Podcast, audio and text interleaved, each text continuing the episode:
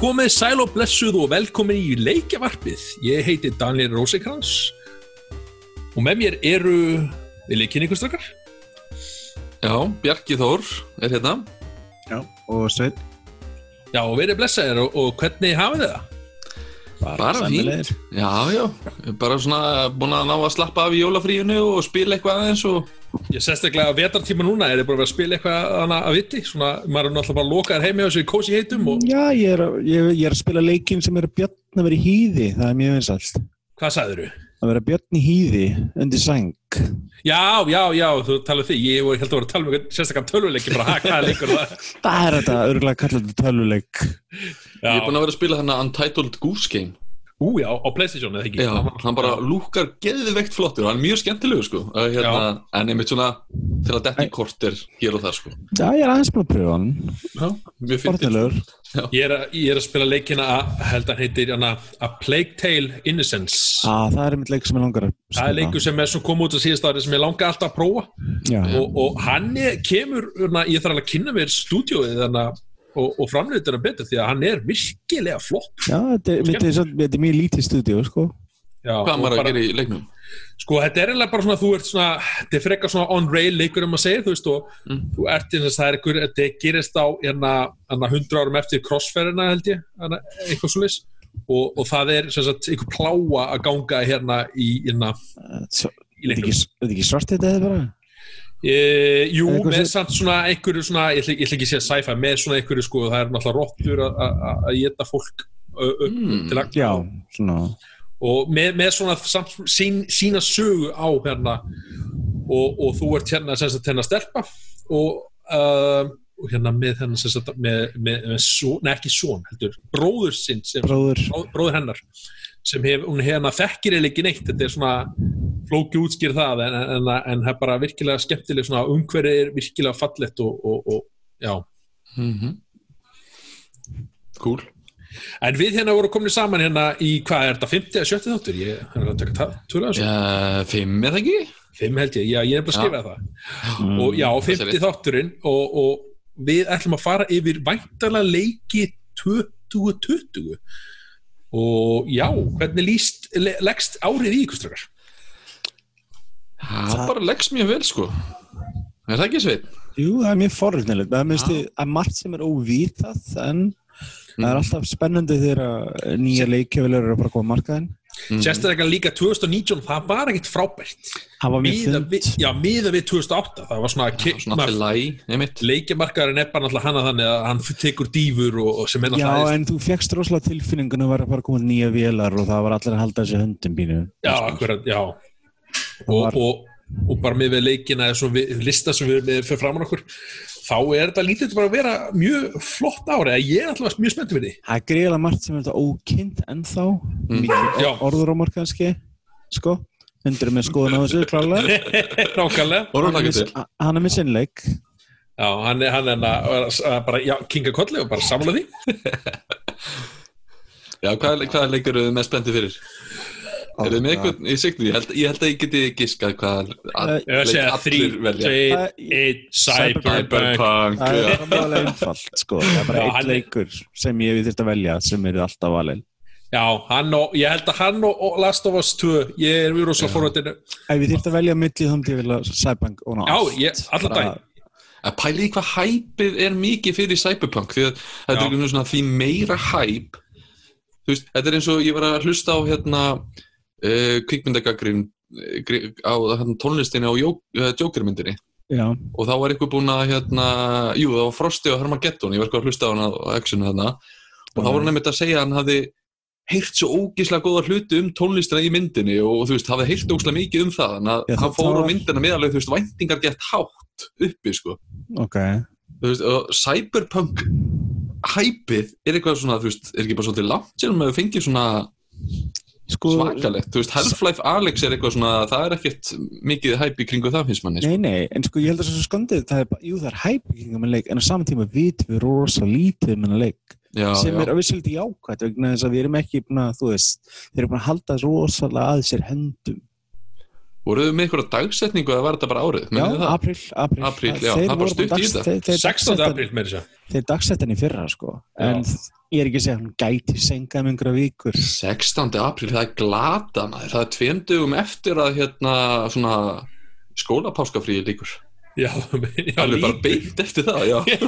ok, Þú já. manst bara svefn er ofmetinn fyrir bara. Þú skutur bara mætir í skólan bara ósofin og bara bara fyrir pyrraður en, en þú veist það er þetta fín. Já, þetta er orðið satt um að vinnum manns þá verða þess annar handleikur held ég Já, En hérna, já, við erum með flotta lista af væntara leikjum og, og ef við ekki aðeins að fara yfir hans ég, er Ok, hérna- gera það. Þetta er svona skip- og já, ég er ekki með þetta einn sérstakri röð, þannig að við ætlum bara að binda okkur myndin og hér á femstu listunum með Final Fantasy 7 Remake Yay. Já, ég ætla verð að segja, ég er spenntur fyrir þessum sko. Ég ætla að veit að spyrja hvernig svona, hvernig spenntur er, hversu spenntur er þið fyrir honum. Yay. Ég var að eitthvað twi- Twitter um daginn og, og ég var að, að lista áallega svona uppáhaldsleikir eða svona hvaða leikir ég er mest spenntur fyrir þessu ári. Ég held ég hafi valið uh, Cyberpunk náttúrulega og Last of Us og svo man ég ekki alveg, jú, Ghost of Tsushima. Tsushima. Mm. og hérna, og hann alveg bara og einn sagði, og svaraði mér "Eh, hvað með Final Fantasy? Ég, alveg, ég, ég hef bara, hef ekki spilað einn Final Fantasy Nei, ég er Final Fantasy sko, félagi minn kynnti mér ekkert fyrir Final Fantasy sko, í gamla dag og ég byrjaði, fyrsti leikurinn sem ég spilaði var mitt það var 7 sko, og svo spilaði ég 7, 8, 9 og 10 og svo frammeði svo sleftaði hans í miðinu og spilaði núna 15 líka senast sko, Mm. en Já. hérna er ekki rétt munnaði mér að Final Fantasy 7 verður gefin út í episodes? Jú, það, Já, er bara- það finnst er mér það það er það rosa glatað, sko. Já, Já, það mér finnst það glatað. Það er bara málið, þú er allir að missa sig í spennu yfir þessu og síðan fáður ekki henni alla leikin Já, ég, pí, ég pínur hrættur um að sé að fara að borga hérna of mikið fyrir of lítið sko. Er Jep, já af því þetta þegar sé að nota uh, trendið og hérna allt þetta sko en ég menna fann Fetsi geðveikur leikur og það eru nú margir búin að býða eftir þessu. Hann er endur Já. gerður ekki bara svona bættur Þetta er er ekki remaster, þetta er remake frá bara grunninum sko. Var það ekki Playstation 3 tölvan sem að var einmitt eitthvað tækni munið eftir þessu svona var tech eitthvað demo? takt- jú, og allir bara oh my god þeir eru að vera að búa til þetta búin í Já, og það var bara það, tech demo sko. Já, en það var allir að missa sig yfir með því sko. Já, já, Og hann er að koma held ég í mass, er það ekki? mars já. Og með mjög flott svona collector's edition sko. Keirir á Unreal Engine, rétt sem svolítið skoði mm. Já að-. Hörðu, já, þetta er Final Fantasy, við erum allir svona misbendi fyrir hann. Ég, ég held ég uh, kom örglætt, ef það er ekki fleiri leikir að koma á milli, jú, ég held sé þetta fullt að leikir að koma á milli uh, í mass, en hann að þessu segi, þá ég örglætt að reyna að Mass er alltaf vinsall mánuður að gefa leiki Já, og svo, talandi um mass, þá er ég með fleiri leiki á listanum og, og, og, og það er Doom Eternal, ég held að hann sem vantarlega 20. mass, Já, eftir að þið senkuðu hann frá síðast ári. Já. Og það Senast hérna, þetta var ógeðslega góður. Ég, ég hef eftir að prófa. í alvöru?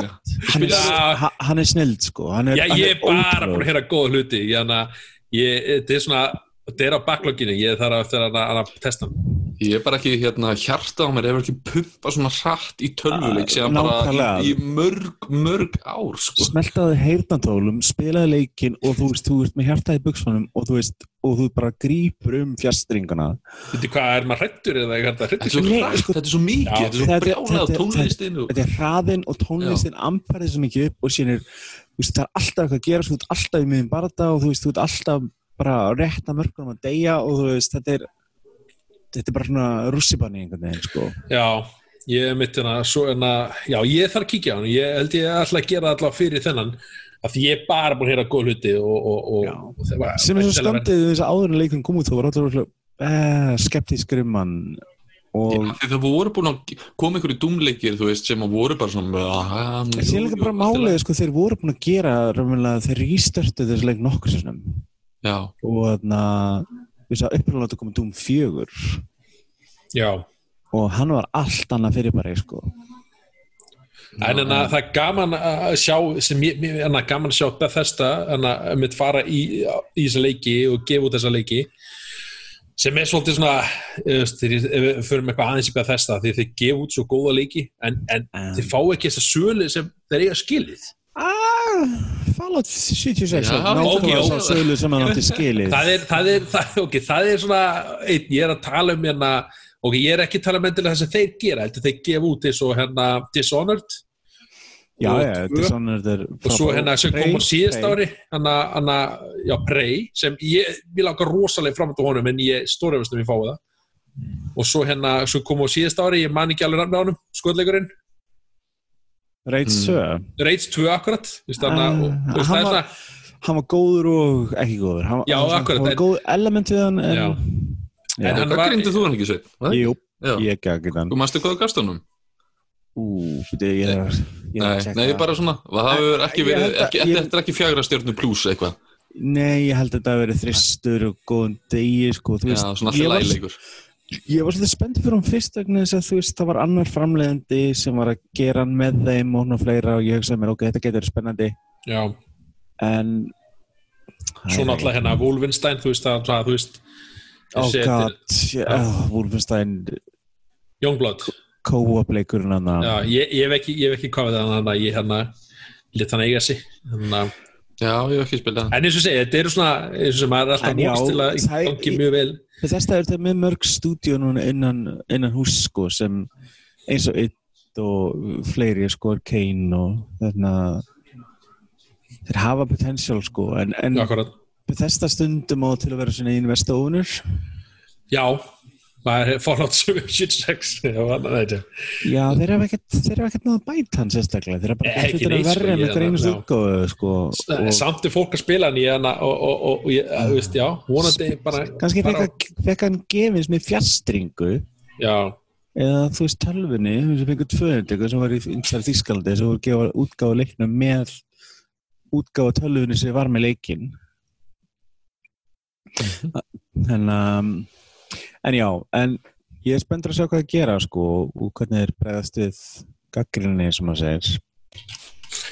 En já, ef við bend, uh, förum í næsta leik Animal Crossing New Horizon á Switch. Hvað segir þið, hvernig er veðrið? Já, er hefur eitthvað Það bara- spilað eitthvað á þessum leikjum eða? Nei, Nei, ég það er hérna mjög vinsæli sko. Alveg rosalega vinsalið þetta er svona, þetta er svona eitthvað simulator, simsleikur, uppbyggingarleikur. Ég menna þetta er ástæðan, ég menna þetta er eins og Farmville eða Stardew Valley grílan Já. vinsælt, ég hef aðeins verið að fykta í hún, ég veit, ég veit ekki akkur en, en já, Star, Ég- Hvað það er, Stardew Valley? já, Já, hann er ógeðislega góður Hann er bara svona Hann er bara svona hérna Svona hálfgerð hugleðislega eða eitthvað. Já, þetta er svona Og að slappa og gert eitthvað annað með þetta, Já, ég var, mitt, ég var mitt í matabóðum daginn og, og hann var félagið minn, en það er mitt í Switch og Stardew Valley, hann bara, já, ég get ekki, ég er að gefa hænunum, ég kemur þú veist, Nákvæmlega, þetta er svipað eins og Animal Crossing, þetta er nákvæmlega og svo fór hann að tala með, herru, ég hef með hugmynd, okkur stopnum við ekki búkar hérna, bara, þetta, En maður má ekki, þetta minnir mig samt svolítið á, þú veist að, að við erum með að tala um og við erum kannski með svona, ekki alveg 100% einn smekk, við erum kannski með svipaðan smekk, en það er alveg, þú veist, hellingan fólki sem að spila bara eitthvað allt annað, eins og, eins og hérna kærasta mín, nei, kærasta Meina kona mín Eh, margra, ára. Ertu, búin að segja konuðinni frá gerastinni, Oh my ég er bara að God. spyr. Vandró. Nei, hérna, hún til dæmis uh, er núna dottinn í leik sem heitir House Flipper. Hún er búin að spila hann í bara mjög langa tíma. Það veit ekki hvað leikur þetta er? Nei, Þetta er bara leikur sem að þú, þú veist, kaupir hús. Nei, Já. bara á Steam sko. Ok, og kaupir hús og þú ætti að gera það upp. Þú veist, þú ætti að þrýfa gólfið og þú ætti að mála upp og nýtt. Sims, segir nei, Já, þetta er eiginlega first person Sims með þú veist að, en þú ert ekki eins og að búa til húsi þú ert bara þú veist að taka kona- gegn sko. konan mín er að spila leik eins og overcooked en í símanu sinum og er bara, já Já, ég, þetta er ég, svona ég er í vandræði með triplana, sko. En það er samt alveg fín áminning um þú veist að það er alls konar leikir. Það er bara, Já, veist, og- spilar alls konar. Ég, ég ætla, mér langar allavega að prófa Animal Crossing að því ég hef aldrei komist inn í það serju og, svona, og mér langar svona, og það eru okkur margir Nintendo leiki sem ég svona hef bara látið vera. Uh, uh, Mm. svo síðast árið, þá var Fire Emblem ég spila hann, ég var mjög, mjög árnæða með hann.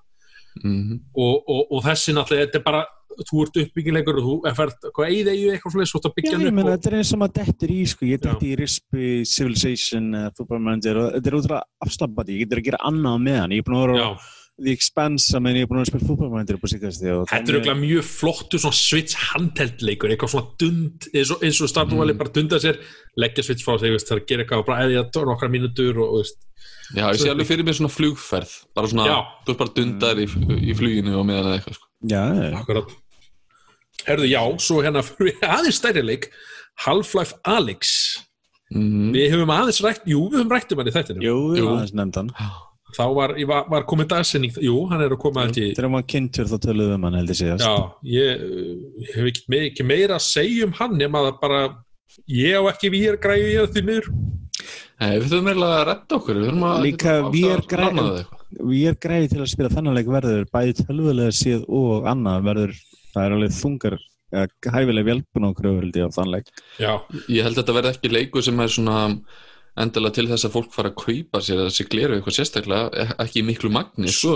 Nei, Nei, svo nei. spurning bara, veist, ef hann fær bara geggjað dóma, segja það bara, þú veist, það væri bara groundbreaking, vonandi verður hann bara þessi groundbreaking VR-leikur út af bara, af því VR þarf Já, En það verður alltaf að tala um þetta killer app svona til þess að íta þessu áfram og það, verður lengi rúmur getur alveg verið aðeins sem íti tækni áfram. Já, ég, hennar, ég hef alveg- hef alveg trúa þá en, en eins og segi, hennar, en já, það verður bara komið í ljós held ég.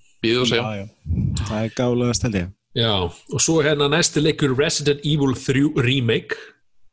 Og þetta eru hvað tveir, eða þetta er svona tveir leikir saman í pakka.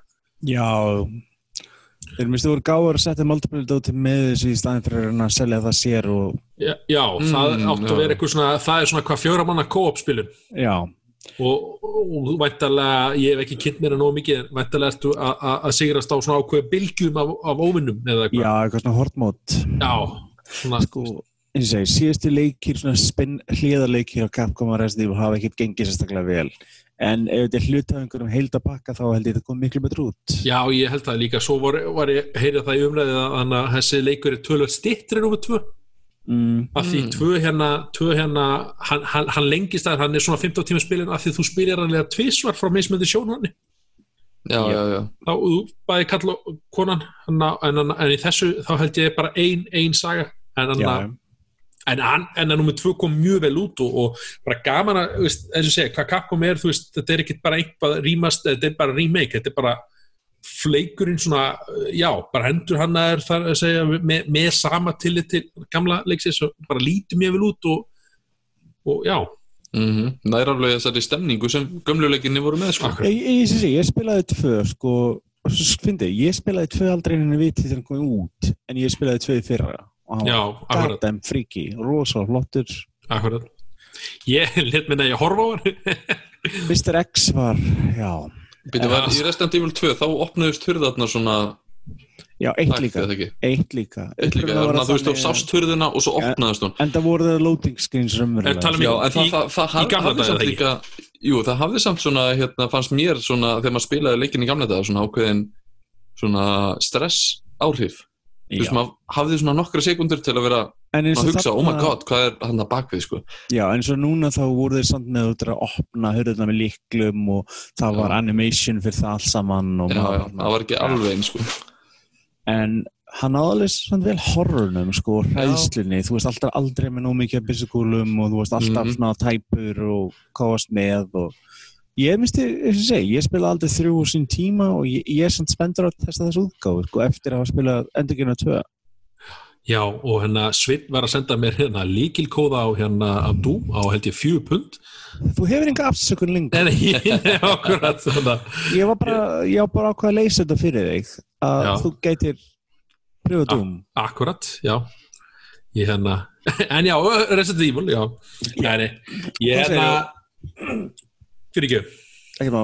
og síðan þetta komum við svo í stilu umræðinni finnst það- mér finnst þetta viðendi við næsta leik svo ég ætla að stila henni hvað sem er Cyberpunk 2077 já. Sem er líklega er einn af stæðstu leikjum ásins svona eftirvendingu hjá fólki. Mm og eftir velgengni Witcher 3 er City Projekt Red undir, ég veit ekki, pressu svo- en það er miklu aðtigli og miklu svona smásega fólks núna það er líka bara svo gama þegar, þegar stúdíu eins og, eins og CD Projekt Red eru með, hana, með svo gott orðspor um sig. Vist, ég held að það sé líka bara svona er bara, þú Já, veist, ég hef trú á þeim, sko það er mál. Ég er Algjörlega. trú á þeim frá byrjun sko, að víst, ég, örugglega, ég veit ekki hvað þessi einu en inni sem spilaði Cyberpunk D&D spilið Spilaði ég, ég, nei, ég, ég, heldur þegar ég var svona 16 ára aldur þá var ég að spila með vinið mínum uh, Cyberpunk 2020 spilið sem ég á ennþá Veitu, tengist það eitthvað þessu? Jep, þetta er byggt á tabletop RPG Já, leik, ok, þetta ok. er málið, þetta er byggt á þeim heimi Já, ok. og ég elskaði það spil svo mikið, því þetta Blade Runner er einu uppáhaldsmyndar á mínum og fyrir vikið er Cyberpunk eitthvað sem ég alltaf haft rosalega gaman af og þegar ég heyrði að þeir var að gera það bara langaði við næst ég að leggja sér nýja á gólfi og bara og það er líka langt síðan þið svona tilkynntu að vera búin til. Já, ég menn, þetta er- eru búin að mörg ára búin að leggja til ég held sko. sé að vera 7-8 ár Ná, Þeir, þeir byrjuði á honum að fullum krafti eftir að na, Witcher 3 kom út. Já. Voru, voru þegar byrjað svona á svona að plana en, en eins og segju, eins og þú sagðir hana, svona fullu krafti eftir að Witcher 3 var Já, og eins og ég segi, þeir eru búin að vera eins og ég segi leggja gríðarlega vinnu í hann og Já, maður fær alveg, tilf alveg á tilfinningur einmitt eins og maður er eftir að fá bara stóran leik með Ég held þú fáir rosa alveg- miklu gameplay Ég held og að fá alveg svolítið mikið fyrir peningana sko. ég held að Já. svolítið mikið fyrir peningana ég, skal, ég er sannfæður um það að þú verður ekkit svikin af ég meina, ég er búin að vera tilefni Witcher þáttana, þá er ég búin að vera að dúla mér að spila Witcher 3 aftur einmitt já, Mhm. Og hann, þú veist, þó hann sé orðin fjarar gamall næst í þeim ára, þá stendur hann ennþá vel fyrir hann er sínu. rosa flottur ég, bæði spilun útliti og öllu sko. Hann er ótrúlega vandað leikur ég, ég, ég er, þú veist, mér langar að rosalega að spila Witcher aftur ég er svona rosalega vonast til að koma einhver PlayStation 5 uppfærsla að hann keiri hérna Mm. í hérna 60 rumum á, á fjög, æst maður dreymir um það? Spila hann Xbox One X, hann kerir 4K Já, native ég, ég myndi gera það ef ég ætti hana þannig að Ah, ég tími ekki kaup já, ég tími ekki kaupa hana þegar hann að next X, Xbox svona kaupir Xbox 9 töluna þá kerir hann botið í því áfram. Já, ég er að segja það, já. Vandamálist já, Er einhver að kaupa sér svona þú veist, er Xbox samfélagi að því sko Xbox hérna 360 samfélagi það var alveg ágætt sko. Já. það var alveg nokkuð margir í því en er Xbox samfélagi á Íslandi ekki í dag bara Það nánast er við það að degja út eða? Nei, það er lítið en stert en þá sko, það er, bara, það er minga rosalega mikið. Þú veist, maður er- veitum Forza-hópin það er Forza-hópurinn sko. Sko málið er það, byrjun á Xbox One og Don Matrick rugglið skemmti fyrir þannig að margir hengur sér plesinu fjögur fóru yfir þá. Já, En svo er þetta líka það bara einhvern veginn að PlayStation er bara, hérna, þau eru þetta með hérna, sen og allt þetta á baka sig, meðan Xbox er einhvern veginn svo alltaf í lausu loftu bara, sko. Já, Ís, Xbox er ekki búin að vera með umbúðsæðala síðan 2005 takk. Svo veist, og það er komin 15 ár það er náttúrulega rýmdaði það en að það hefur haft gríðalegt að segja um það Og svo Ormsson með Nintendo. já og það er hræðilegt og Það af er- mörgu leiti Uh, ég, sko, af því leiti þegar, þegar kemur Zelda-leikur út og hann er ekki til í Orbson útgöti þá er ég, þá bara Þá er hann ekki til annar staðar í öðrum búðum eða eitthvað.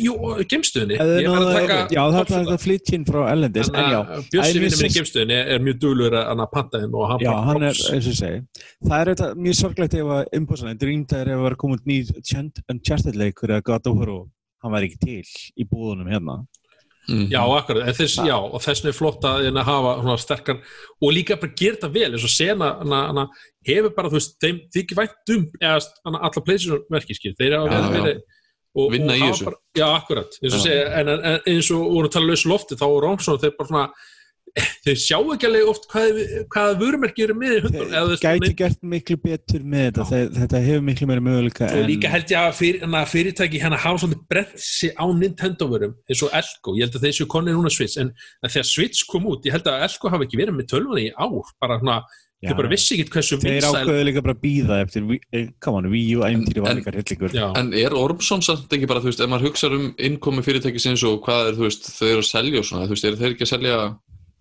einhverja reysa eldúsinræstinga líka? jú, Samsung sjór veist, er, er það ekki miklu meiri peningur en að pæla Jú, eitthvað ég, það? held, ég held að sé Já. engin peningur en að þannilega séð á Íslandi eða fyrir svona uh, Það vantar kannski manneski með passion fyrir þessu. eitthvað. Já. Daniel, þú skalt sækja það er málið. Nákvæm, ég, það, var, það var eitt maður á sín tíma þegar var, það var voru með Nintendo.is það var eitt maður sem var með, í Nintendo deilt í Ormsson svo kom ykkur hagra, hagra, hagraðingar í gangin alltaf þú veist, þarna, þegar GT samanist að ég man ekki hverju og hérna Ah, ok. og, og, og þá bara svona sópuðu bara Nintendo bara, veist, það var bara engin maður í þeirri dild Býtu Nintendo.is, hvað var á þeirri síðu aftur? Já, það var bara eitthvað Nintendo fréttir þetta voru, voru uh, einhverjir aðeila sem voru að Já, að já, bara áhersandum það var á sama tíma og- þegar PSX.is var og, og, og hérna Já, já Mm. Xbox Skiptir þetta máli með allan svona hluti að sé einhver aðeins sem þekki til og Já. veit eitthvað um þetta ef þetta er ekki bara gert það einhver svona hliðarverkefni hjá einhverjum öðrum Akkurat. Já, já. En já, af hverju, já eftirvæntasti leikurinn að við erum að búin að tala um Cyberpunk 2077 mm. eh, hvað er svona, er þetta svona eins og segi, hvað, þetta er leikur svona, ég býð mest spenntur eftir hún, ég bara held að sé út af, fyrir mitt liti er bara, ég er búin að sjá hérna í, hérna í því, held ég, í fyrra eða ég man ekki, ég er búin að blokka núna ég vill, vill ekki sjá mér úr leiknum, af því að hann er á hann að koma Mm og, og bara þeir síndu ákveð missionaverkefni í leiknum og, og, og alla möguleika sem þetta er að gera, þú veist, þeir síndu bara einu leið en sögðu, þú getur gert þetta, þetta, þetta og það, ég held að það sé bara svona Já, þetta er heimur, þetta, þetta er þetta er rosalega lítið það sem þeir hafa sínt þeir eru búin að mjög Svolítið fós varkarir. líka sko, því sko, þeir eru bara með tvær personur í leiknum, það er hann að kalla kona mm. og, en þú getur ráðið hvort að kallin hafi kvennmannsvöld eða kallmannsvöld, það er svona, Já, customization í kartinu vist verið greiðalegt og það er málið. Það er það ekki, er, er það eitthvað meira, er það ekki bara þetta, þetta svona, þú, eins og segi, þeir hafa það er alltaf útliti verið eitthvað, þú veist, þetta er alltaf fyrstu personu leikur, fengur smá baklas eftir Já. kynninguna hitti fyrir og svo þeir aðeins heldur breyðust við með því að bjóða upp á f- meiri fjölbreytileika í persónu sköpun og það er Já. líka, líka, ég held að maður getur þokkalega lengun tíma bara í kartikreiturunum eitt og sér sko áður en að byrja leikinu akkurat, Mér, mér finnst líka hérna þetta umhverfi, þessu cyberpunk dæmið, þú veist, það, maður hefur ekki fengið svona einhvern stóran flottan leik með þessu innihald, þetta er eins og þegar Red, Red Dead kom fyrst, skilur akkurat, hérna, þau eru svona einhvern, dæmi. Já, svona trippulei ógislega vandað og vel polist útgáfa, þú veist, Mm. mm. ég man ekki hvernig maður sá eitthvað svona risastóra cyberpunk þema, sko, í tölvuleik Þeir, hafa alltaf verið, þeir hafa alltaf verið lítli síðustu árin, ég meina þú sér það síðast í svona virkilega góði sæpangleikurinn, þú veist, við erum að fara tilbaka til Blade-runleiksins for Westwood 1997 eða eitthvað sko, og síðan undan þá var þetta System Shock og fleira og Já, já, það eru til svona leikir en það eru smerri indie-leikir sem hafa komið út síðustu árin sem hafa hittað svolítið á sæpang tilfinninga, það kom út leikur fyrir eina, tvejan ára síðan sem heitir Observer Mhm. frá pólsku fyrirtæki og það var svo cool við þann leik að það var svona æfintýrleikur og sá sem var alkartin og rattaði var með þetta Radgar Hauer sem hana, var í bleidránu mm. það er óslega einsinn leikur, ég spilaði hann á gaggendanum mitt og hana, hann frá sama fyrirtæki að gerði Leir Sofía leikin já, já þetta er svona lítill einsinn leikur þar sem þetta var, hún lést rannsóknarglumann sem veist að rannsaka glæpi og þú minnst að fórst inn í huga fólks til þess að gera það mm. það var svolítið svona instinct dæmi og, en já, það er segi, þetta hefur ekkert fengið miklu aðtegli hjá stóri fyrirtæki vegna þess að það hefur flest núist um örugt bett sko. Já, svo líka einmitt að þetta sé þetta fyrirtæki, þú veist, ég held að ég er ekki alveg eins hæpaður, hérna, ef þetta verður til um Cyberpunk frá EA eða eitthvað, þá væri ég svolítið svona skeptísku svona, býtu, Já, hvað er þetta? þeir, hafa það var gert, enginn að tala um hann held ég. þeir hafa gert eitt leik sem fellur undir þennan flokk. Það er Syndicate. Já. Það var geðveikur leikur maður, Já, það var, instinct, það var mjög góð leikur líka. Hann var ógeðslega góður, ég spilaði hann svo mikið, sko. sem fekk ekki nóg miklu aðtegli og þú veist, já það hefur gaman að sjá hvað þetta gera með það, það dæmi, en Ég í- ég þá litið það var degja svona klar. Mér minnir í Syndicate Wars sem var hérna Syndicate 2 leikurinn, þá hérna, var það ekki Bullfrog sem var með þetta líka? Jú, Já, og þá hérna fóruðu til Íslands í misjón, já að stela einhverjum vísindamönnum eða eitthvað. okay. Mér varst það geðveikt, bara, wow, við erum að fara til Íslands. Þetta var svona í gamla dag, sko. Það er alltaf gaman að það er að vera til Íslands Hei, er Resistance, hérna- Resistance 2 ég með ég maður að það er búin til Íslands það var alltaf gaman þú er líka hérna, þau tala um Ísland hérna þannig að koma til kongaleikinni þá voru hana aðal skriðdreganir Mammoth Tank voru framlítur á Íslandi þetta var eitthvað svona, ok og þetta var svona akkurat okkur þetta var svo fyndið því þetta var þetta var svona komið í hérna held ég komið til konga þrjú og hérna og þetta var tíma þegar álveri var svona allt í umræðu. Álver, álver, en ok, við erum kannski bara fram með að skriðdrega Það var ekki geðveikt. Timmart villusara Það er þetta endin í það eftir á En ég meina sko, ég er spenntur að sjá. Ég meina, með við hvernig þeir ef þú ber bara saman, ég held að fólk sem ég jákvæmt fyrir sæpak, jafnvel fólk sem þekkir ekki til þess að heims eða nei.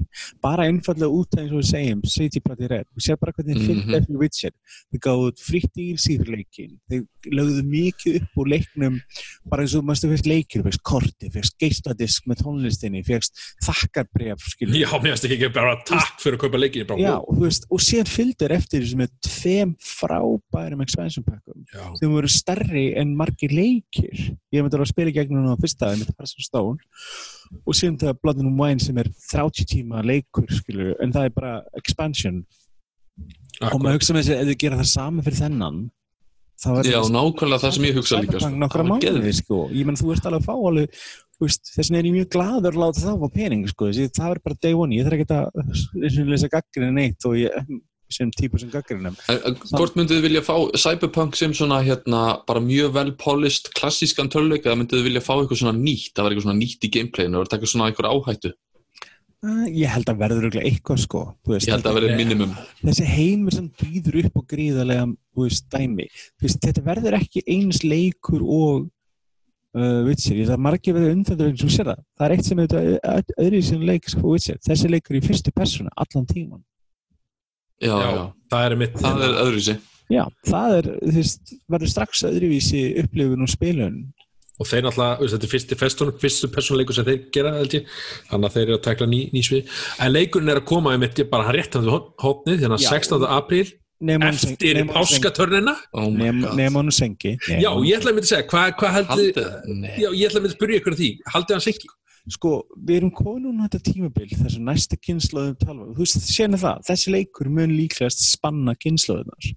hann verður til að pleysa 4 og 5 Já, já. Og hvernig það mun koma út verður mjög afvikisvært Já, er það að meina kannski, heyrðu, já, honum senka til desember þegar að um, yeah, eða, eða ágúst eftir, veist, ég held að, ég held að, hérna, ég held að þessi leikur getur komið út í hvað mánu sem er.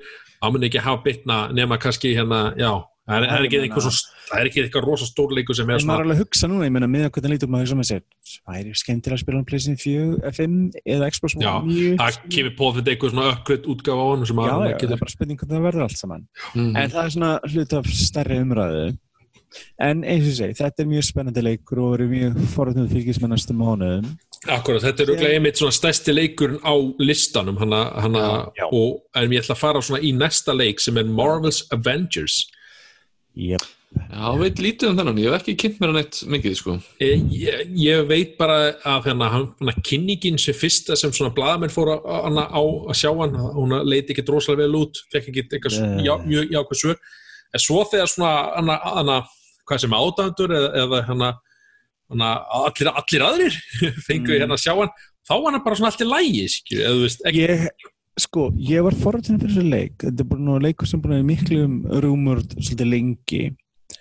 En sko, ég er hrættu við að leika einu, einu góður ástæða og það er að þetta verðist alltaf að vera Games as a Service dæmi, þetta verðist að vera leikur í anda Destiny og svoleiðis.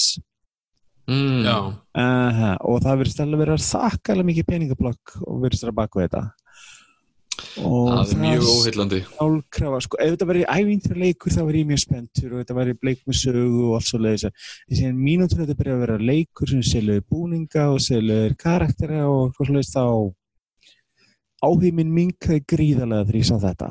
Þá, þú veist, ég elska þú veist, comics og þessi karaktera og allt svo leiðis og en þetta hafði gríðarlega áhrif á mig. Og þú veist, ég Destiny 2 brendi mig rosalega. Ég, er ekki hrifin. Með hvað ég elska Bungie þá er ég ekki hrifin hvernig þeir eru búin að vera nikkelin dæmi þetta dæmi. Nei, ég veit og það ég, is já, og það sem ég finnst líka erfest við Avengers, þetta eru hvað hvað, 5-6 overhittir sem þið hafa í leiknum og þetta er allt svona mismöndi gameplay væs, þú veist fattar þeir, Já, þeir fara að tekla svo eitt flýgur, eitt sterkur eitt já, akkurat, það, það, það getur ekki verið þú veist, getur ekki verið bara, bara góðu bráler og svo bara leiðilegt, að fljúa á og Já, ég kunni alltaf að Það er leysa það ef Já. getur ekki flóið um allt það er ekki eins og þó þeir þurft bara koppi hérna God of War, þú veist, með að kasta hamrinu og fá hann tilbaka, maður hugsa bara af hverju ekki þú maður þarf að setja gríðarlega fyrirvara við bæði, Já. bæði með allt saman sem hann gang kringum vinnuna bakveðan og það er bara búið að sína sig að þetta Games as a Service er búin að eiga vissan skipbrot Svo er einmitt svona, já. fólki, sko. Það er svona ákveðin aðstændahópur sem aftur er samt að klálega spila en sko. Já, já, sem- orðið eftir Sarkvíðan sko Já. þetta er leikur sem selur nokkuð með leindug skilur við, Já. en alveg pottið sko. en það er bara spurningin hvað gerist eftir það og svo einmitt er, er þetta eftir Avengers hæpið, skilja, Endgame er alltaf komin út og, og, Já, já.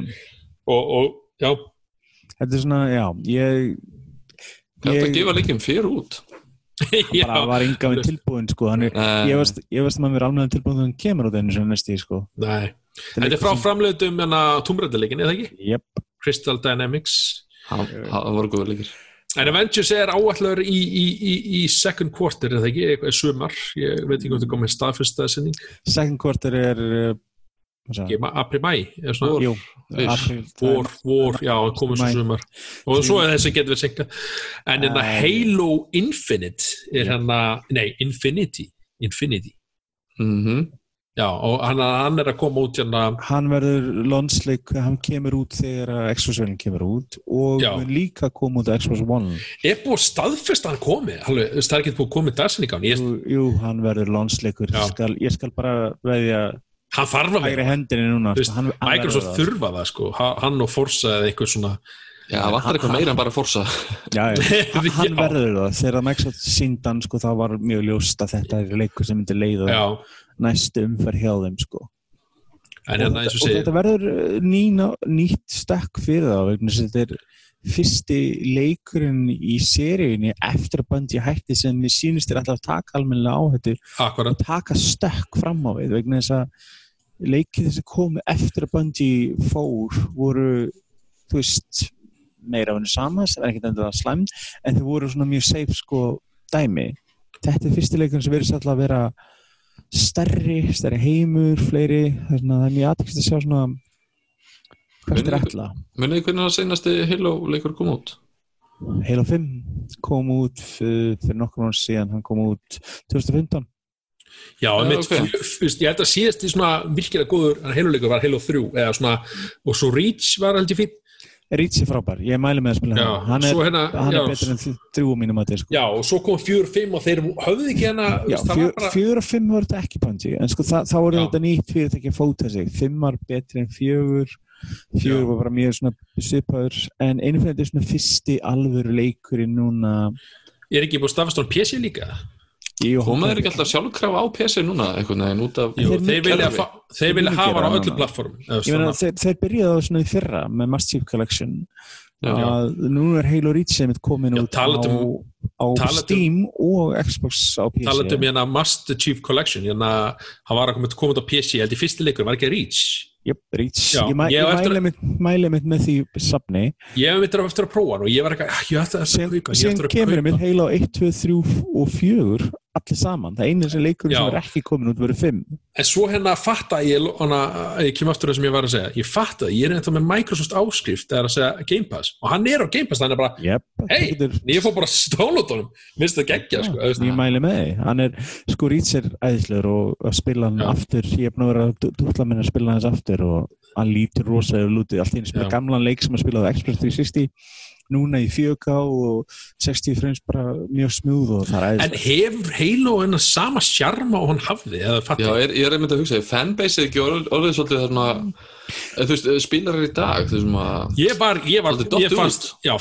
fyrir ekki, Halo 1 og, og 2 var bara, þú veist, þess að ég áttaldur Xbox en þetta er svona, ég öfunda alveg við Xbox Halo spila. 1 var þetta bilding kendur leikur, hann Já. síndi hann og uh, Red Faction 1 síndu á pleysin sko, síndu að skotleikir gátt gengi upp á leikjöfalunum Já, og þetta Þeir er svolítið örugglega eftir leikirnir 4 og 5 sem svona, hvað með svona verktifendi Já, það er mar margar serjur já, það er margar serjur sko, en hann hefur potential, gríðarlega möguleika til þess að svona, koma aftur sterkur og Mhm. það virðist vera einmitt núna þeir ætla Þetta er náttúrulega trombi hjá Microsoft, þeir verða bara að geta vel, þetta, veist, það, það er þetta er, þú veist, það var ástæð fyrir þeir lögðu upp og halda seríun eftir að Bungie fór. Já, og þessi hann keirir á nýri grafíkvel þarna, og hann virðist alltaf að vera stærri heimur. Ég, það verður mjög aðtíkist að maður getur ferðast um heil og hringin kannski og þarna, kannski í stórum heimi. Það getur mjög aðtíkist að sjá sko, hvernig það verður gerst akkurat. Og þetta er einn af þessi leik sem ég er mjög spenntur að sjá á í3 núna, sem ég býst alveg við á í3 í sumar, þá fáum að sjá hann leik keirandi. Akkurat. Og hann kemur út á Xbox One og Xbox 9 vilna en að en ég er mitt spenntið minn, það verður kostur við það, þú kaupir hann leik á Xbox núrandi og þú sjálfur að ferða útgáfuna á nýju Xbox og þess að kaupa neitt á milli Mm. ég er alveg vissum að þau gera þetta það þannig áfram, Microsoft hefur verið mjög góður í því mitt og já, það er hérna svo er komið að Sony þá hana kemur The Last of Us 2 Ó, já. hann er Það vantarið 2009. bæ Já, Hann- eftir hann nokkur, held að hann sé alveg nummið tvö á listaðu mér eftir, eftir Cyberpunk á já, næsta ári ég er alveg samanlega að. Dog er bara svona guðdómlegur að búið til töluleiki eða veist hann að sína leiki og hann að maður er þetta mjög spurning hvernig ætla að fylgja eftir hinlegin, hann var rosalegur og það er erfitt að fylgja eftir. Já, það er líka þegar þetta er ekki lengur svona nýtt, þú veist, Last of Us kemur eitthvað svona nýtt og flott og svona, þú veist, þetta er framhald, það, mér finnst Mm. mjög sjaldan sem að leikur nummið tvö næra að hafa sömu áhrif og nummið þetta er eitt. eins og, pla- þetta er eins og platan með tvö hljómsveit, það er alltaf rosalega erfitt að fylgja henni eftir fyrstu Já, plötunni. getur verið mjög góð, en þetta er ekki nýtt lengur. Þetta Nei, er, nei, þú veist, þetta þú er- þetta er svona, og hvað mikið takar áhættu og Já, ég, ég, ég veit ekki hvort það muni gerast með Last of Us 2 en það er oft þegar leikir um 2 kom og þá hana, leikir fram þau gera þetta svona þú veist, hana, bara, veist, veist núna ef við gerum við nummer 1, hann var, hann var þetta svo nummer 2 þá alltaf fullkomna en formála nákvæmlega, ég meina, koma, horfðu á Mass Effect 1 sem var mjög góður, horfðu Já. á Mass Effect 2 sem var stórfenglega leikur. Líka Uncharted 1, Uncharted 2 Já, bara, Uncharted 2 er uppáhaldsleikur í minni séri Mass Effect var- 2 er uppáhaldsleikur í minni séri þess að ég með telva líka oft er 2 oft leikurinn sem eins og þú segir sjálfur, slípar formúluna og svona hann er þrjú, við erum aðeins að tegja þetta við ætlum að hennar Já, rækust það er oft, þá byrjar þetta að fara át á hliðinni oft á 2 og svo komum fjör, við glemdu þessu. Nei, tjó, Þá látum við, látum við interns Halo, nei, tjó Tjó. nei, nei, já, og ég segi, ég er mjög spenntur og líka bara við sögun um Ellie, hérna bara áframaldandi Já, já. Bara, og, ég spila Vegna þess að maður gerir ábyrðu við spilum hana 90% tíma já, sem er svona önnur hliða að þessu og, og bara og heimurinn, veist, þetta er náttúrulega þú veist, þeirra svona, jú það er alltaf komið með Uncharted fjögur sem hérna alltaf var, hann gekk ekki eitthvað rosalega vel í, na, í vinslu alla allt, alla skeið Nei, nei, en e, það bara voru rosalega mikið átök á baku tjaldin og það síndi sér rosalega. En leikurinn almennt var fýtt sko, og síðan það fengur hliðarleik út frá því líka. Já, sem var eiginlega bara nánast betri eða eitthvað, Já, ég menna, hann var mjög fýtt já, já Lost Legacy, hann var mjög fýtt sáleikur sko. Og svo líka með bara Last of Us Part 2 og mér varst líka að fyndi þegar sagt kynntu titilin Part 2, ég er alltaf að býða eftir hann að vinna eitthvað öðru svona titil, nei hann heitir bara Part 2 Já, eitthvað svona eitthvað Já, þetta væri svona, Já, en, en mér finnst bara flott, þetta er bara framhald og, já þá hljómar þetta eins og einmitt, já, bara beint framhald veginn. og, þeir eru, ná, veist, þið segja, þeir eru búin að senka nokkur, nokkur sinnum en það átti að koma út Mm. síðast ári, svona, eða þú veist, maður var búin að gera ráð fyrir því og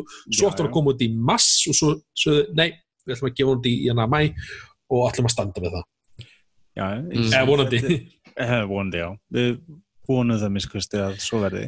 En eins og segi, þetta er uh, leikur sem allir playstation eigendur klálega eru spennti fyrir og algjörlega, það sérstaklega út af hérna Last of Us 1 var valinn hérna leikur, besti leikur síðast áratugs sem svo Sony leikur Já, ég er einmitt mjög spenntur að ég er búin að vera íhugaðið með að spila eitt aftur, ég rýmast útgáðan á PlayStation 4. Já, ég hugsa, já, hann eftir, ég spila. Pilsa 3 útgóna, hef ekki hann að fara, ég ætla að gera Sama, það. Ég einmitt langar einmitt að spila hann aftur og ég er alltaf að nota það sem afsökun þegar tvö eru að koma út að rúli gegnum eitt aftur og vera svona klár fyrir nýja leikin einmitt. Alrighty, svo næsti síðan- leikur, fyrir ekki. Dying Það- Light 2 Ég ætlaði að stela þess aður, svo alltaf. Já, ok, það er ég ætla að Dying Light beint í- 2 er mjög aðtíksett.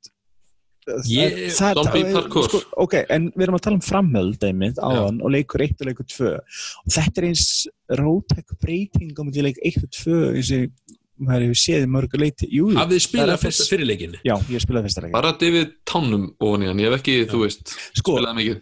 Dying Light er betri útgáfa Dead Island leikjanum en það sami aðeins sem gerir báða leikjanum Dead Island var hræðilegur. þeir voru rosalega, þeir voru rosalega brotni leikir Þetta var hefðu- ógeðislega góð hugmynd, en shit hvað þetta var. Og góða- trailerinn, ég man eftir honum, Trailer var geggjar hann var frægur. Leik, trailer sem hann stíð frægur en leikurinn. Já, en sko, sá, eins og segi Dead, Dying Light lagaði næstu allt sem var að Dead Island leikanum og, en sko síðan svo aðtíðist núna núna er þetta eins og þetta bara leikurinn er samt að taka svona bara svona genre shift eiginlega, hann er alveg þetta er zombileikur en þetta er samt allt í hennu orðið núna leikur í anda Dishonored allt í hennu og Já. fleira. Þess að nú er þetta allt í hennu, þú ert að dila við RPG element, þetta dila við factions. Mér er mitt skilst að hérna, hérna fyrri leikurinn hef, hana hefði mátt svona fá betra aðtikleikurinn af því að já, veist, ég, ég, hef, ég hef ekki spilað hann en, en bara heyra umræðum mitt, hérna, allir að tala um bara, wow, Daniel 2 þetta er geggir og ég fór að mitt bara að kíkja bara núna í dag bara rétt Sko, þessu, Heyrðu, hann er útsölu ég er bara að kaupa mér eitthvað til að bara ég mæli með, sko, ég er mitt með hana á Xbox hana enhanced útgáðan með öllu DLC-inu saman einmitt og ég Já. sko sagan í þeim leik var kannski veikasti parturinn en gameplay var miklu betra. Þeir verðist alltaf eitthvað game, þessi sögu og gameplay núna. að, að, eins og svona klassist í rólpleikjum að aðgerð þín að hafa áhrif á borgina og hvað, hvernig, hvað þú velur og svona já, það er svolítið Mm. aðeins sem nálgun í og gjör breytir einhvern þessu frá þeirra bara klassist zombie dæmi Mhm. svo vildi aðtýrst að sjá sko hvernig það er, en það er einn af alhennum síðustu Fallout-leiki er að vinna á sögun og fleira, maður er svona bara what? Þannig að það er mjög aðtýrst að sjá Og Fallout 4 þá eða? Uh, nei, það? uh, New Vegas og Ok, en- úr þeim klassíska leik. Chris, Chris Avalon heitir já, hann. Já, já, hann er mitt búin að koma gríðarlega mikið á virkilega góðum leik RPG hann spilaði leika söguna Kotor 2 Jep. eins og segja, hann har vunnið mikið með Obsidian og fleiri þannig að þú veist, það, þeir eru verið að leggja gerilega metna í þetta og verið mjög aðkvæmst að sjá hvað er gera, sko, ég var fyrstir að sá síndúrsleik, ég vissi ekki þetta var Dying Light, sko, ég held að það var allt annað, eitthvað nýtt. IP, sko, akkurat, ég bara alltaf einhvern Dying Light, ég bara, what? Og sér annar leikur, sem er svona, það er alltaf leik sem hefur verið að endurvekja, það er þetta Vampire the Masquerade, Bloodlines 2, akkurat ég hérna hef ekki spilað fyrirleikin ég held að koma árið 1900 eitthvað nei, nei, nei, nei, Eh, 2000 2000 2000 eitthvað. sko, hann 2001. var, hann var fyrsti leikurinn sem kerði á sorsvillinni já, þannig er það 2000 mjög og- sérstakann vegna þess að hann kom út á undan Half-Life. Ok, Mm. áverð, ég hann að vissi það ekki. Hann nefnilega sko kom uh, einhverju mánuðum á undan. Hann kemur út november 2004 sáleikur. Og þetta er einhver svona svo leikur sem hefur svona undan, já hann kom út á hann kerði Source 2 og hann kom út á undan Half-Life einmitt, já, 2 og þetta er leikurinn mitt sem þú ert að spila hérna ákveð hlutverk og, og, og, og hefur valið og getur svona valið hérna personina og getur valið ákveð leiði til að klára factions, Já. já. og þú er gríðarlega fjölbyrni. Sáleikur er frægur, þetta er sko, sáleikur er kalt klassik, mér er ímdaði það. Þessi leikur út fyrir tæmum 16 ára síðan, hann er ennþá uppfæslir frá aðdáðandum sem er búin að laga hann leik síðan hann kom út. já, Og sér þessi leikur seldist ekki nema í 80.000 eintökum þegar hann kom út fyrst. Hann bara bombaði sko, öndilega útgefundin Activision bara ítt honum út að deyja. Hann var ekki tilbúin leikurinn og hann var bara brotinn þegar hann kom út fyrst en þeir eru búin að vera að laga hann síðan og hann hefur haldið áfram að seljast. Að það er ástæðinu fyrir við erum að framhalda þessi leik núna næst í 16 ára síðan. Hann líka var bara kynntur held ég bara þurru bara á sísta ári Já, já, það er máli, menn að þú veist og það sem ég er búin að sjá að það leik lítur rosalega vel út. Og það verðist þeirra mikið uh, passion hjá liðin sem er að gera hann að byggja ég á- þar þar að kynna með þessa serju betur því að eins og ég segi, ma maður heyri svona hæp svona kringum maður bara, það er, wow, sko, það er miklu auðveldar í dag að spila þann leik, fyrsta leikin vegna þess að það, eins og ég segi, það er búið að laga þann leik alveg gríðal og bæti inn efni sem var klift úr leiknum og fleira. Sem er Kotor 2 sá annan leikur sem var gefin út óklárar og aðdándur hafa lagt mikla vinni í síðan þá að laga og þannig að það er eins og segi, ég er mjög fortun að sjá hvað að gera og þetta er eins og líka vegna þess að það er annar útgefandi af þessu og þetta er Paradox, segir maður rétt sem er gefinleik út. Jú, það er mikið rétt. Mhm. en uh, það er aðtegist að sjá sko ég er svona já, ég er svolítið forðan að sjá sko það verður samt fyrir að aðalar einmitt hann, hann átti að koma út í mass held ég hann, hann var var líka bara svona segja, hann var kynntur upp á þurru og hann er að koma næsta ári í mass, bara, ok, nice. Já, en þeir eru búin að fresta því hann eitthvað fram í haust held ég, já frekar en sumar spurningin hvort hann daðri við útgáfun á nýju vilónum eða hvort hann hvernig verður sko. Er, þetta er þetta klassist sem gerist alltaf við þegar leikjavel eru að koma út. Það er alltaf einhverju leikir sem annarkoð koma út af báðar eða detti yfir á hinnar já, já, akkurat. Og til þess að ná því þeirri sölu getur við sagt sem hann um, fylgir þegar fólk er að koma nýja leikjöl og vantar eitthvað að spila. Og annar leikur sem er að mynda að koma í hérna sumar, það er Ghost of Tsushima Já, hann er Það- PlayStation 4 uh, titill. Mér langar að segja uh, já, já, PlayStation 4 PlayStation 4 og 5 ég skal lofa því að það Já, já, já. verður til á PlayStation 5 líka. Það er, þetta er eitthvað sem er einnkjörna marga leikina sem við tölum um einhver leiti er að ég er rosa forvitin að sjá hvernig anna, þessi að koma út. Ég, hann lítur alveg rosalega vel út en það er erfitt að sjá til maður var alltaf þegar maður sá hann fyrst þetta getur ekki PlayStation 4 en, Já. en á móti kem, gameplay, það ekki úr þessum jú, e, jú, eitthvað svona aðeins er svona, já, en á móti kemur við já, PlayStation 4 leikir geta litið gríðilega vel út svo að, og þetta er exclusive-leikur það er alveg alltaf þe- þegar leikur kemur þessi er bara einmitt- tölvu. þessi Last of Us og, og Cyberpunk er allt svona fá, fá, munu fá okkur svona next gen upgrade. Já, já. Þetta er mjög spennandi leikur og þetta getur verið mjög spennandi en ég held ég get, ég get aldrei ég svona, eins og segja, ef þetta kemur suma tíma og væri ekki mikið að leikir, ég, ég, er, ég er ekkert að býða til að koma að PlayStation 5 eða, þú veist, nei, nei, ég, ég held ég hoppa alveg bitið inn og þetta er frá hana Sucker, Sucker Punch sem gerði Sucker Sly Cooper. Já, ég var ekki bara opin, opin, þú veist seinast að samuræin hérna og varst á bara Jú. í og, Jú, og var ekki því- mikið af svona missions, heldur þú, þú veist, þú varst bara svolítið að fatta hvort að gera sjálfur og eitthvað. þetta er líka inf Infamous. infamous. Jú, Já, því. Já, ég sé, þetta er, getur verið mjög spennandi ný seria fyrir Sony og mm. mjög spennandi að sjá hvað gerir. Síðan uh, Psychonauts 2 Já, ég ákvæðan senda hann aðeins á listan því að mitt, hann, hann er að koma út á, þessu ári Já, Reyktur þetta klassík. Já, og, og, og, og þetta er einmitt sko eftir að hérna hann að koma núna uh, hann, var, hann var hérna ekki, ekki fundar á Kickstarter, hann var fundar á hana Fig, Fig, Fig. Fig, já. Þess að var svona Ah. öðrisi, öðrisi hérna útfærsla, þá gastu hérna fjárfest í leiknum, eða ekki? Jú. Þetta, já, ok. Ég, núna fæ ég strax bara svona Shenmue 3 eitthvað hroll. Já, nei, nei, nei, nei, nei ég- Þetta er ekki svo leiðis.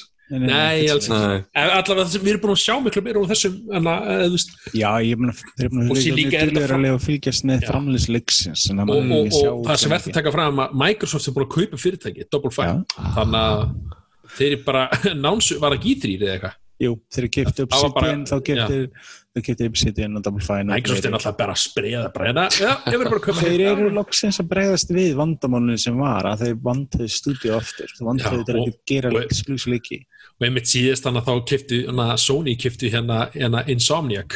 Bara, Yep. já, við ætlum ekki lefa Microsoft að kaupa svona, og það er ennþá orður á maður að þeir sé ekki hættir og þeir sé að kaupa eitthvað annað stúdíu líka. Já, Það það týndu svo miklu þarna með því að sleppa svona miklu út þarna í alveg nokkur ár bara. já, akkurat ég hef ekki, ég hef spilað Psychonauts 1 og, og spila frekar hana upp á Xbox ég spila hann á PC með kontroller en ég klára hann ekki en, en það sem ég er búin að sjá á þessum og, og þessi er bara svona, hann er, hann er bara svo trú framhald, það er bara, er bara eins og Já. þetta sé bara Psychonauts 1 einhvern veginn bara svona betri grafík og virkar plattformið og, og, og svona, veist, hann er bara, veist, neða maður er spennt fyrir hinn Sko, fyrsti leikurinn var líka bara klassist dæmi að lendi svo oft er að útgefndurnir hefði ekki trú á leiknum Já, og fylgdi hann mikið náðu eftir og þá, þú veist, var þann svona, já, kallt, kallt leikur eins og margir Mhm. verða stundum. Og já, eins og sé, maður er að vonast til að þeim gangi og fá betri velgengna með tvö en gekk með eitt. Já, Þetta Ég var man- samt man- klárlega svona eitthvað svona under eða svona Semi eins undir þið reytarleikur sko, þetta verður ekki held ég Nei, þetta verður ekki ekki einhverja miljónum tölur en, en Nei, ég held að, ég held að þurfi þess ekki heldur. En hann, hann, hann hann kemur svona fanbase. hann kemur svona Xbox áskrift, þú veist, Game Pass og bara, á, Já, já En ok, uh, svo fyrir við að hoppa í leik sem er fyrir næstu kynnslóð sem við vitum ekkert um fyrir utan einhvern CGI trailer og nafnið. hann er væntalur á, á þetta er svona fyrsti staðfesti PlayStation 5 leikurinn og væntalur, hann kemur í PC líka Já, já, það er hann- sjálf, næstu allt kemur að PC sem er multiplant. Godfall og hérna, eins og segi, hérna ég veit ekki um hann leik og hérna, ég held Við vitum ekkert um enn leik, sko. þetta þetta er svona klassist dæmi um leik sem er kynntur þegar það er komið ný vél eða eitthvað. Kemur nafn, kemur logo. Munið eftir Deep Down frá Capcom? Nei, Nei. ekki því? Leikurinn sem var kynntur þegar PlayStation 4 var komið út. Það var svona uh, man Dark Souls vibe leikur.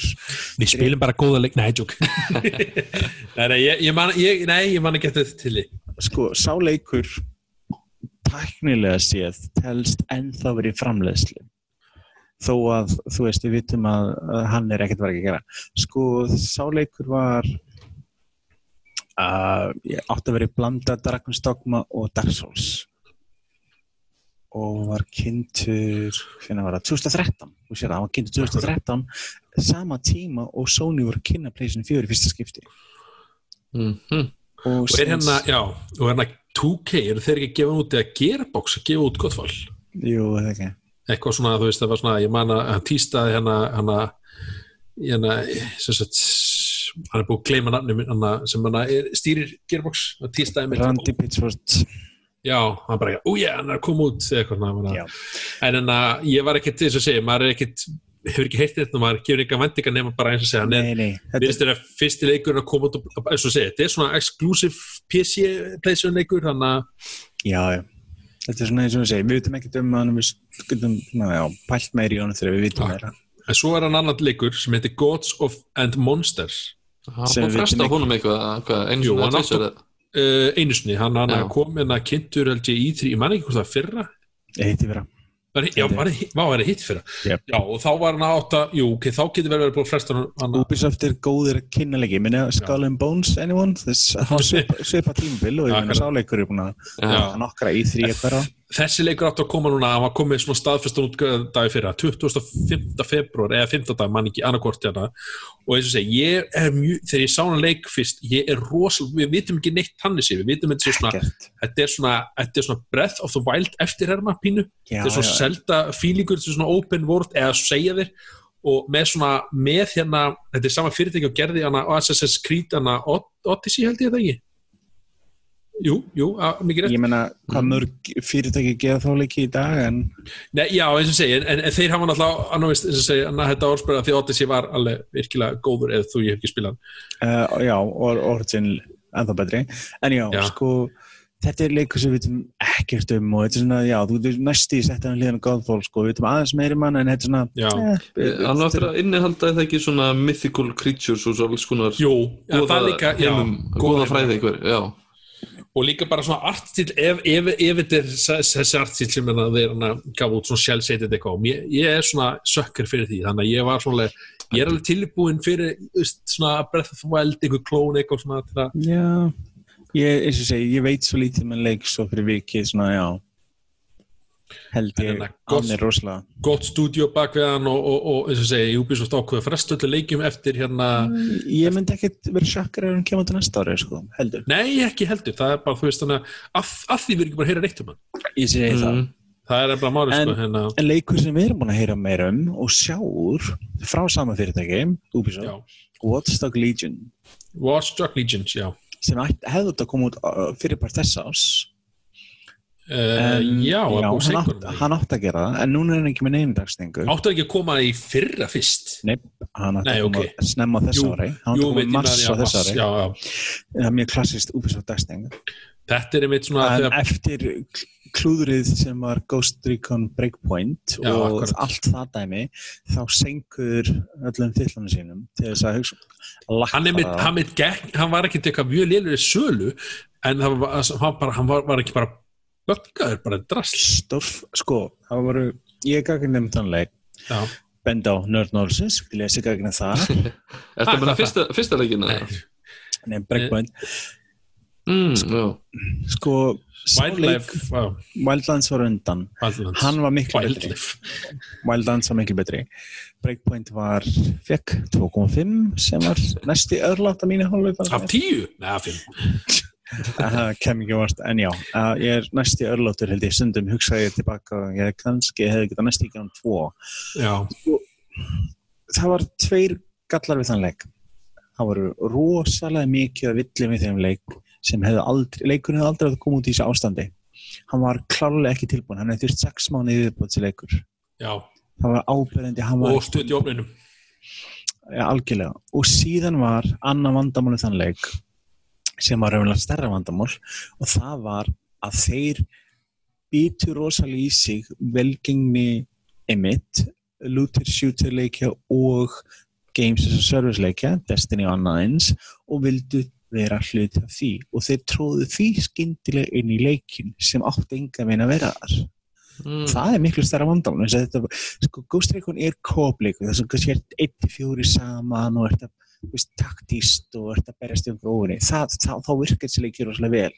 En þú skyndilega horfa á einhvern hub heim þar sem þú ert með 30-40 gauðir að hleypandi um og taka quests eins og einhver MMO-leik þá er þetta skyndilega ekki það sama. Og séðan þetta var microtransactions viðbjör út um allt í leiknum. Já, og jafnvel sumt þau tók út rétt á hann kom út sem var verra og Ubisoft bara gekk allt og lánt í þessu. Og þetta var til þess að þeir þurftu bara skyndilega endur skoða eins og ég eh, giska að Watch Dogs Le- Legion hafi nú verið með eitthvað þessu í sér.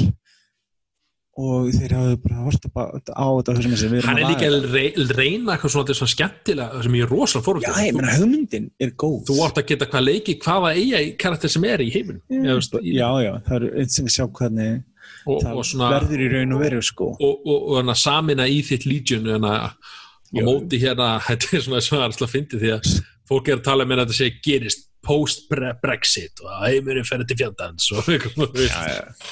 það var edgi og eitthvað leiðis en ég menna eins og sko og þriðleikur í sérunni ég, Já. ég hef ekki testað hérna tvo ég hana, What? Sko, fyrsti var mjög, mjög fín bara vandamálið þannleika hann lendi í því, hann var kynntur þegar síðasta kynnslóð nú er þetta kynnslóð sem er að enda var kynnt, kom hann á PlayStation 3 jöp og Já, Xbox já. 360 hann var einn af þeim leikin og ekki spila það útgáð sem er Middle of Shadow Motor ekki spila það útgáð heldur á PlayStation 3 eða eitthvað svoleiðis. þetta eru útgáð sem eru gimpaðar sko, hann var kynntur og hann var kynntur einhver súpta PC útgáð sem var enga með líkingu við rumra leikin sem var, þú veist, þegar leikur kom út var þurftu þetta strípa svolítið niður vegna þess að þetta var allt og metnaðbild fyrir það sem þið voru að reyna að gera. En grunn leikurinn var ágættur sko. Og tvö tók starra stakk fram á við líka breytti sögursöðinu, personu og fleira. Tapaði vissum sjarma en bætti fyrir með öðru sögum og en þrjú er alltaf að vera ný nálgun. Gerist í London. Já, gerist í London og alveg svolítið gæti alveg spennandi. Ég Já. er ég, mun- ég verður opinn fyrir þessum. Ég hana, eins og segi ég, hana, ég fíla seríun og ég er fórtan að sjá hvað ég gera næst. Ég, ef, eins og segi, hafa senkan og til að gera betur og þá er ég alveg tilbúin að hafa augun opinn já, ég, það er jákvæmt að gera það. En Sveit, hvað getur þú sagt mér um Yakuza Like a Dragon? Bara fullt, hvað viltu tala um? Karaoke, viltu tala um hostesses, viltu tala um þetta er ekki Pokémon þetta er ekki Pokémon útgáða leiknum eða að sko, Yakuza leikinnir eru hvað ég segja, andlegt framhald af Shenmue leikinum, getur við sagt. Já, þeir eru bland af Shenmue og GTA mörguleiti, þeir taka þessa open world heimi en með einstökum japanskum blæði getur við sagt. Þú veist, það eru alls konar skrýtnir og sýrðir hluti sem eru í þessu leikin sem þú myndir aldrei finna í leikin sem verður gefnum til Vesturlandunum en það er kannski það er skemmtilegast við þessa leikin nákvæmlega er það að þeir eru stöðruvísi er, þeir leikir- vinsalegir í Japan eða, eða, eða þeir eru vinsæli í Japan og utan í Japan og hafa orðið og vinsæli vegna þess að þú sér að þeir eru endur útgefa núna gamleikina er ekki eitthvað sjöndi, áttundi leikurinn í sérunni? Þetta er sjö, sjöndi það er að þeir út 0 og, og, og, Já, og byrja upp á nýtt. sko þeir gáðu núlur að til þess að restarta, ekki veit að restarta en til að gefa fólki tæki veit að kynna seríinu vegna þess að þetta eru, þú hugst tilbaka Yakuza kom til PlayStation 2 já, þetta er það gamla leikir, Yakuza 1 2 og 3 komu þar út. Og þeir eru endur gera það með núna og gefa það út og þeir eru nýbyrjar að því. En síðan þegar Yakuza Kiwami er endur gera þeim af 1 og 2 og en það sem ég veit ekki með þennan þessi leikur er allt öðruvísi, þetta er ekki sko það er búið að klára að Yakuza 6 klára þeir söguna Yakuza með þeirra personu sem búin að vera síðustu leiki þannig að þeir eru að byrja núna með nýja personu samt í sama heimi en allt öðruvísi. Og það er þess að þeir, það er sem kannski öðruvísi þeir eru að breyta gameplayinu líka. Þeir eru, sko hínu vorum fyrir klassískir open world-ish leikir og allt svo leiðis og svona smá slagsmálaparta og þú varst með svona, já, GT element en þeir eru að breyta þessi meiri slagsmál. Þetta eiga skildara við slagsmálaleikum en áður. Akkurat og ég veit, svona- ég veit ekki eins og hvort að veist, ég því ég sá hana leik persónulega þá var ég svona uh, ég er ekki nefnir hvort hann höfði þetta í mín sko þess að ég held einhvern veginn að ég hafði meira til mín. Já, mér líður einmitt svona, þetta er svona, eins segja, náttúrulega, hann kemur út, allt út þegar að fleiri leikir er að koma, ég er náttúrulega hef marga tíma oft í leiki núna nýjórið, þannig að svona aðri leiki hafa forgang og, og þess að þetta er hvað eins og segja, sjöndi leikurinn í sérunni og, og maður líður eins og, maður líður eins og segja, að ég er búin að missa lestinu svo mikið Já, að en sko hérna- þetta, þetta leikur er hálfbært rýbút af seríunni, þetta er breyting Já. á personu, þetta er breyting á gameplayinu bara, þetta er fundamental þú sér það að þú veist, núna sko þú veist, hinn leikurinn var svona real time beat'em up, svona, svona slagsmáleikur og GTA leikur, þessi er alltaf komið með turn-based RPG og fjara, fjara personu barda og svona fleira, þannig að þú veist, þetta er fundamental breyting á seríunni og hvort að hún mun hefða til allra akkurat. það er aðtíkist að segja sko. það er ekkert endalega vist um það. Eru sömur ykkur sem mun hoppa á þetta og aðrir mun vera svona e, þetta er ekki alveg jakkusa sem ég var ánast eftir svo þetta er svona þetta forðið, en þeir eru að pröfa eitthvað nýtt sem að vera að gefa en prík við það þeir eru ekki að bara mjölka formúlun endalöst Akkurat. Og hérna, þetta er bara svo okkur fjallaðu draumur. Nei, ég segi svona, ég ætla að koma eitthvað segvi í næsta. Dreams! Þetta er PlayStation 4, smooth PlayStation það er ekki- 5 og PlayStation hálf- 6. hálfgerð bara game engine eða eitthvað, eða svona semi, Þetta er svona svipað eins og Little Big Planet það er það Já. samfélagi. Ég held að þetta sé miklu Já, stærra. já, já, en þetta, er miklu starra en þetta, byggir hugmyndum sem er búin að til staðar sem þá að búa til leiki innan leiks Já, eins, eins og þú sagði Bjarki, Bjarki fyrir ekki, þú sagði hérna þá að tala um, þetta, þetta er eitthvað, þetta er engine. Fó, þeir eiginlega bara að gefa svona hana, engineið, hana leiknum svona, hana, sem sagt, grafvíla og fólk er bara að búa til allan bara alls konar í því. Og, og hluti sem ég held að var ekki hægt að búa til. Nei, nákvæmlega, ég bara hafa séð sumar hluti, ég bara, wow, ok. Þannig að þetta er- þetta eru gaurarnir bak við hérna Little Big Planet Já, og hérna, ég ég, Ég myndi, ég, fór, ég manna ég fór ekkert hérna fyrirlestur hérna hjá einhverjum sem var að vinna þar sem var að búa til einhverja svona auka hluti fyrir leikina. Já, ok. Þeir einmitt notuðu bara leikin sjálfan til að hérna eh, búa til ný level og svona. Vist, þau voru ekkert eitthvað hérna þannig að það er einmitt spurning með Dream sko, það verður eitthvað svona svipað þetta verður hérna Ná, fólk er að búa til að fyrsta fara að búa persónu til hopp og skotleiki þeir eru að búa til Ég man þegar betan kom hérna á sín tíma eða alfapröfan og ég prófaði eitthvað, var eitthvað hryllingslega og ég var bara rættur, ég bara, hey, ég er ekki bara, þú veist, og svo veit, veit ég ekkert hvað var hóðið, þú veist, þessi, hérna, það er rosalega erfitt að útskýra hvað þessi leikur er að já, maður þarf eiginlega að tjekka á þessu sko. þetta er ekki hefbundi leikur í svona hann er að koma út bara 15. februar. 14. dag eða ekki, er hann ekki valgrísundagur? jú, sennilega, ég hana, ekki, ég veit ekki okkur 15. er eitthvað hana, hana fastur í hugunum það gæti verið Evrópa og Ameríku dagsningar Já, já, en ég veit, já, eins og sé, þetta er eitthvað leikur sem ég svona, einmitt, svona, ég hef ekki nett að vera bygg búin að búin eitt til í byttunni, ég. Var einmitt komst inn í hana og, hana, og, og Mm. ég held maður þurfa eiginlega að eiga move pinna, já, þá ekki til heldur sjálfur. í Eða þú veist- álfá en, en Já, já, Ég held að þú vilt vera eiga á til því, þú veist, hana, veist, til að, eins og segja, hana, til að geta búið til betra, eða svona, eitthvað svona, frábært að geta notað þá í eitthvað. Sko, þetta er já, svona- þú átt að tilsessast. já, Þetta til bara því ég ákveða að fjárfesta í VR Já, þetta, já, já, Já, þú ert ekki svona, hana, heyrðu, það er komið golf, svona V-make, hana, hana, ég ætla að, þetta pleysu, þetta er miklu betra en V, nei, tjó. Já, sko eins og segi, þetta er svona leikur sem ég held ég minn aldrei búa til eitthvað en ég verður alltaf spennt frá svo aðri gera og pröfa það. Já, ég held ég eftir að missa mig í þessum sko já, ég, ég, ég, ég veit ekki hvort ég hef eftir að búa til eitthvað uh, sjálfur, en, en ég ég er mynd aldrei mjög góður í því. ég mynd pottið búið, hérna, annars þess að, hérna, uh, hvað segir maður, hérna, spila þessi framleitir hafa gert Svo- og, og aðrir, Já, hérna, svolítið forvöldur eftir að vita ef maður er að nota move-dæmið mitt, þá hljómar eins og þessi frekar uh, þú veist að búa til hluti með því. Já, Hljómar svona eins og bara mála eitthvað bara. já, þetta er svona einmitt það, þú ert bara að mála, þú ert bara að mála eða svona búið til umhverfið, uh, í, og, veist, og þá held ég svo auðvitað að snúa hérna heiminum Já, og, Já, þú ert bara að teikna hurð held ég svona málana teikna hana og ég held að sé svona að, þið, að þú ert með svona umhverfið í kringu uh, stað fyrir með fjastringun, ég held að þú nota þá 6-6 eða annað motion dæmi Já, og það, það, það, að, mikið sens reyndar Já, já, þannig að þetta er svolítið þannig annað fílingur í og, hana, og hann er bara rétt hann af honnið, ég ekki hann svona, ég veist, með hann að hugsa, þegar hann kom ég held að kæmi bara út að síðast ári eða fattur það ekki færi early access? þeir sengu hann líka sko, að Já. Já, síndi þér ekki út, þú veist, í þrý fyrir bara tveim árum Jú, eða jú. Jú, það- ja, hann er bara- lengra, þrjú eða eitthvað. Það var bara, maður bara að segja, Dreams, veist, hvað er það? Veist, svo, svo Það var mjög skrítið, skrítin kynning, sko. ó, mjög svo það að fólk er búin lengi að vera klóður í hausnum og spyrja hvernig leikur er þetta bara í höfuð sko. en ég held að þeir eru búin að gá þær að keira betur húslega lengi og það er líka til þess að hjálpa til. Það verður rosalega mikið content inn í leiknum þegar fólk byrjar að spila hann á næsta manni þá skyndilega verður þannig að það verður miklu meira til að pröfa og sjá Já. hvernig er hægt að búa til ég held að það er mjög gálegt útspil hjá þeim.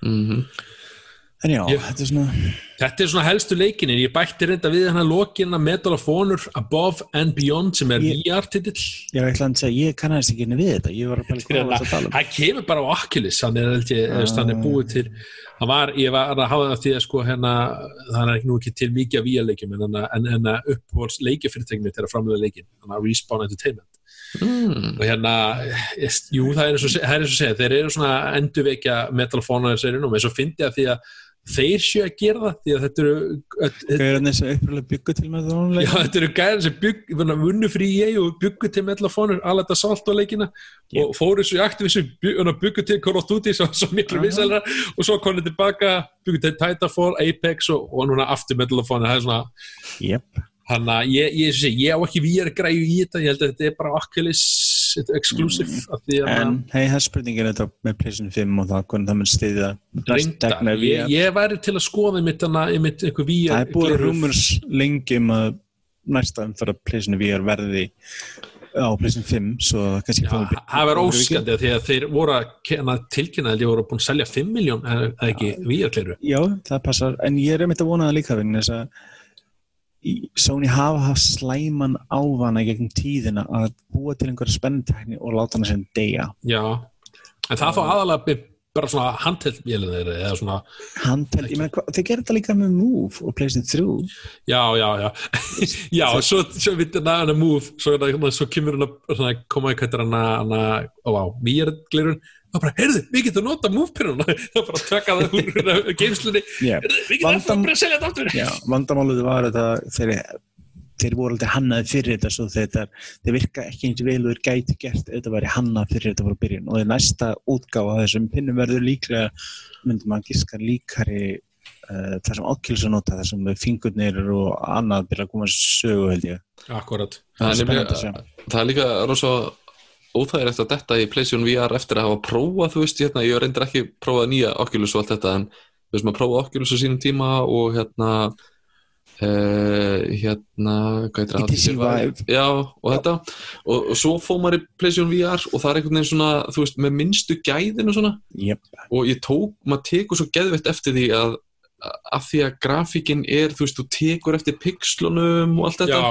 Já. að þá verður þessi sko, tenging við leikin, hún er ekki eins og með hinnagrænu, alltaf það er það mín meina. upplifun sko. VR hefur möguleikin að vera staðist að breyta eitthvað tölvuleikjaspilun síðustu áratíðina þegar hún næra ákveðinu da- dampi. Hún er ekki ennþá komin á það en með hverju ári tökum við skref fram á þið. mm og þú sér nú bara símanleiki það er nú bara, hvað, tíu ár síðan að þeir byrjuðu hérna eða þú veist svona, þá erum við að tala um snerti hérna, snjallsímaleikina akkurat. En já, en þetta er tæknin sem gæti fleikt, eins og segi, tölvuleikjum almennt í nýjar hæðir einhver daginn, en hvernig það verður er þetta segið til. það er einn leikur sem ég langar að koma sem ég setti ekki á lista sem ég svona gæti verið hidden gems sem gæti komað þessu ári. Ég, ég ætla ekki að, og, þetta eru svona allir leikir sem er svona, eru nokkuð einn staðfesti fyrir 2020 Ok. og það er sem ég get að vonast eftir strákar takk eftir. Breath Ég- of the Wild 2 haldið hann kom út þessu ári? Sko, mér langar að segja já, en sko, hjarta að segja já, heilin segja nei. það sem, ég, það sem ég hugsa sko veist, þetta verður hæpi kringum hann að náttúrulega PlayStation 5 og alltaf lanchi svo kemur bara hann að Nintendo. Hei, við erum með Switch Pro og Breath of the Wild 2 veist, það bara, veist, og það bara fyrir öll Ja, sko, það. kosturinn það er auðvildra að búið til Breath of the Wild tvö vegna þess að það er búið til búið til engine heiminn, þetta er miklu auðvildra leikur. Síndi sér bara að gera okkar inn á time og hlera það, það er alltaf auðvildra að gera framhaldi vegna þess að þú er búin að þeir eru leika ættu að búið til voru með fullt af DLC hugmyndum fyrir hana Breath of the Wild 1 og svo hugsa ég bara, erðu, nei, við erum komið svo mikið hugmyndum búin til þú veist, Já, ég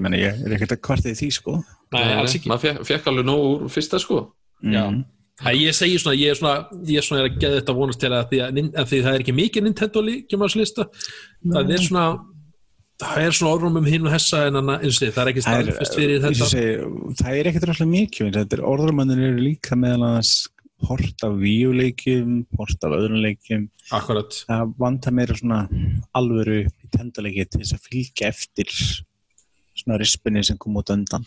mm En já, leikir áratöðurins. já, Já. bara síðist frá að, hvað var það? 2010 til Já, við síðast- fengum- Síðustu tíu ár. fengum, fengum heimavinnu. Um að, um að reyna að velja hvað? Topp þrjá já, leikin okkar frá, frá senastu áratöðs eða 2010 til 2019 það er nú hérna hvernig gekk að velja maður? Uh, ég held svona, eins og segi, eftir ég fór að tala við ykkur um þetta, ég, ég var búin að velja og svo fór því að tala með ykkur að breytt listana mikið og ég hugsa bara, ó, ég er greiðlega ekki til að kafa ná mikið í þetta Þannig ég skal, á ég ekki bara að byrja? Byrja svona, Jú, að því ég, ég ég er mjög spenntur að sjá annað eitthvað ykkur, ég held að svona ef ég far bara yfir svona uh, fljóð þá er hann að Witcher 3 svona efst í huga hjá mér, hann er svona Mhm. setti hann setti svo nýja standarda fyrir mig fyrir hlutverkaleiki bara veist, hvernig heimur getur orðið og hvernig þú getur tengst heimunum, personum og, og, og, og, og sidequest og hvernig sidequest getur bara verið betri en aðana aðal questin ánast eða Já, svartur já. Bara, og, og já, það var ekki ætla- mikið fluffi, það var ekki mikið, þú veist, svona, og, þó, svo hana, og svo God of War ég, hann svona, hann setti svona að því eins og segi, ég hana á núna, hana badd núna og sem er hérna hvað, já, vá, 13 mánu gömul, Fjó, Ég ætla að 14 mánu fyrir ég- ekki, 14 mánu gömul Vá, segi. þið með. já, ég er einmitt hana, veist, eins og segi, ég hef svo tapmarka tíma í leiki núna og, og ég er svo að reyna að pikka upp þessa helstu og, og ég er alltaf að spila hérna í God of War hann setti bara svona nýja standard fyrir svona AAA leiki, það er bara svona ok, þetta, þú veist, þetta er svo góðu leikur á marga við, þú veist, það bara þannig það ég er er svona rosa lærfitt að finna eitthvað að þeim leik sko. Að nákvæmlega, ég er bara svona ennþá, veist, bara sjöla sé að vera hann bara ro- rosalega frábær og, og, og, og, og svo ætla ég að velja hérna Red Dead Redemption en, en ég skipti honum út fyrir Super Mario Galaxy uh, 2 hann kom út á 2010 þannig að mæi eða eitthvað. Og hann er, er bara eins og nummer eitt sem er bara minn uppáhalds plattformleikur bara nánast alltaf tíma. Og hérna, og hann var bara eins og nummer hérna og sem sagt var nummer eitt var bara, já meira því saman bara bet, eða svona bara pari. Og hana, það er sett um mitt svona segja, svona eigu plattformleikir að vera og, og, og eða segja. Og hann bara og svona ef ég hef svona runner-ups þá er það Breath of the Wild og Red Dead Redemption. Breath of the Wild er svona hann var ekki fullkominn fyrir mér, ég er mitt að vonast til að nummer tvö verði það, eða svona bara betur bæti allt sem hann ekki ekki nummer eitt veist, og, ke- og vonandi keiri leikur betur heldur en veist, högtin í, í, í fyrirlum var alveg að gera alveg gaga við mig tíma Ég var til í framhaldaðleik, ég er enda til bara rýmastra þeim leik á Switch persónulega. Ertu alveg að menna hvað leik? Galaxy? Já, Galaxy, já, ég, Ég var til ég, með að tekna þessi er það til í Kína. en svo já, mitt, ég man ekki var, var, var, hann var eitt seldaleikur Skyward Sword sem er svona, hann, hann alltaf reynir ómikið á motion að að ég held að hann var eitthvað mikið í þann vesen að porta. En ne, þeir gæti gert það, þeir það með hann leikinu undan þó að hann reynda var tóð Já, þessi, þessi anna, anna, Skyward Sword reyndu ómikið á allar anna, Þeir þeir þurfti að gera sko bara alvöru endurgera þeim leik rýmast til þess að. Fundamentally breyta honum en það er hægt. En þetta er eins og svona, svona þrýleikir svona, anna, sem ég þótti svona eftir En runner-upperinn hérna ætlaði að velja Red Dead 1 eða 2 tvö, ég ég hef ekki spilað eitt. Oh my god! Já, ég veit að ég hana, tvö var bara, Já. hann svona, var svo, hann kom út Daniel. saman Já, Þú er drekin Ó, ég er drukkin Já, þú er drekin nei, nei, ég hana, eins og segi, ég hana uh, ég, sp- ég byrjaði á honum eða svo var það og svo þegar ég man, ég spilaði póker í honum og ég festi svo lengi í póker og ég, ég svo kamera aldrei mynd herra Gwent þarna það skilja okkur vitsir efstíð þér Gwent þarna.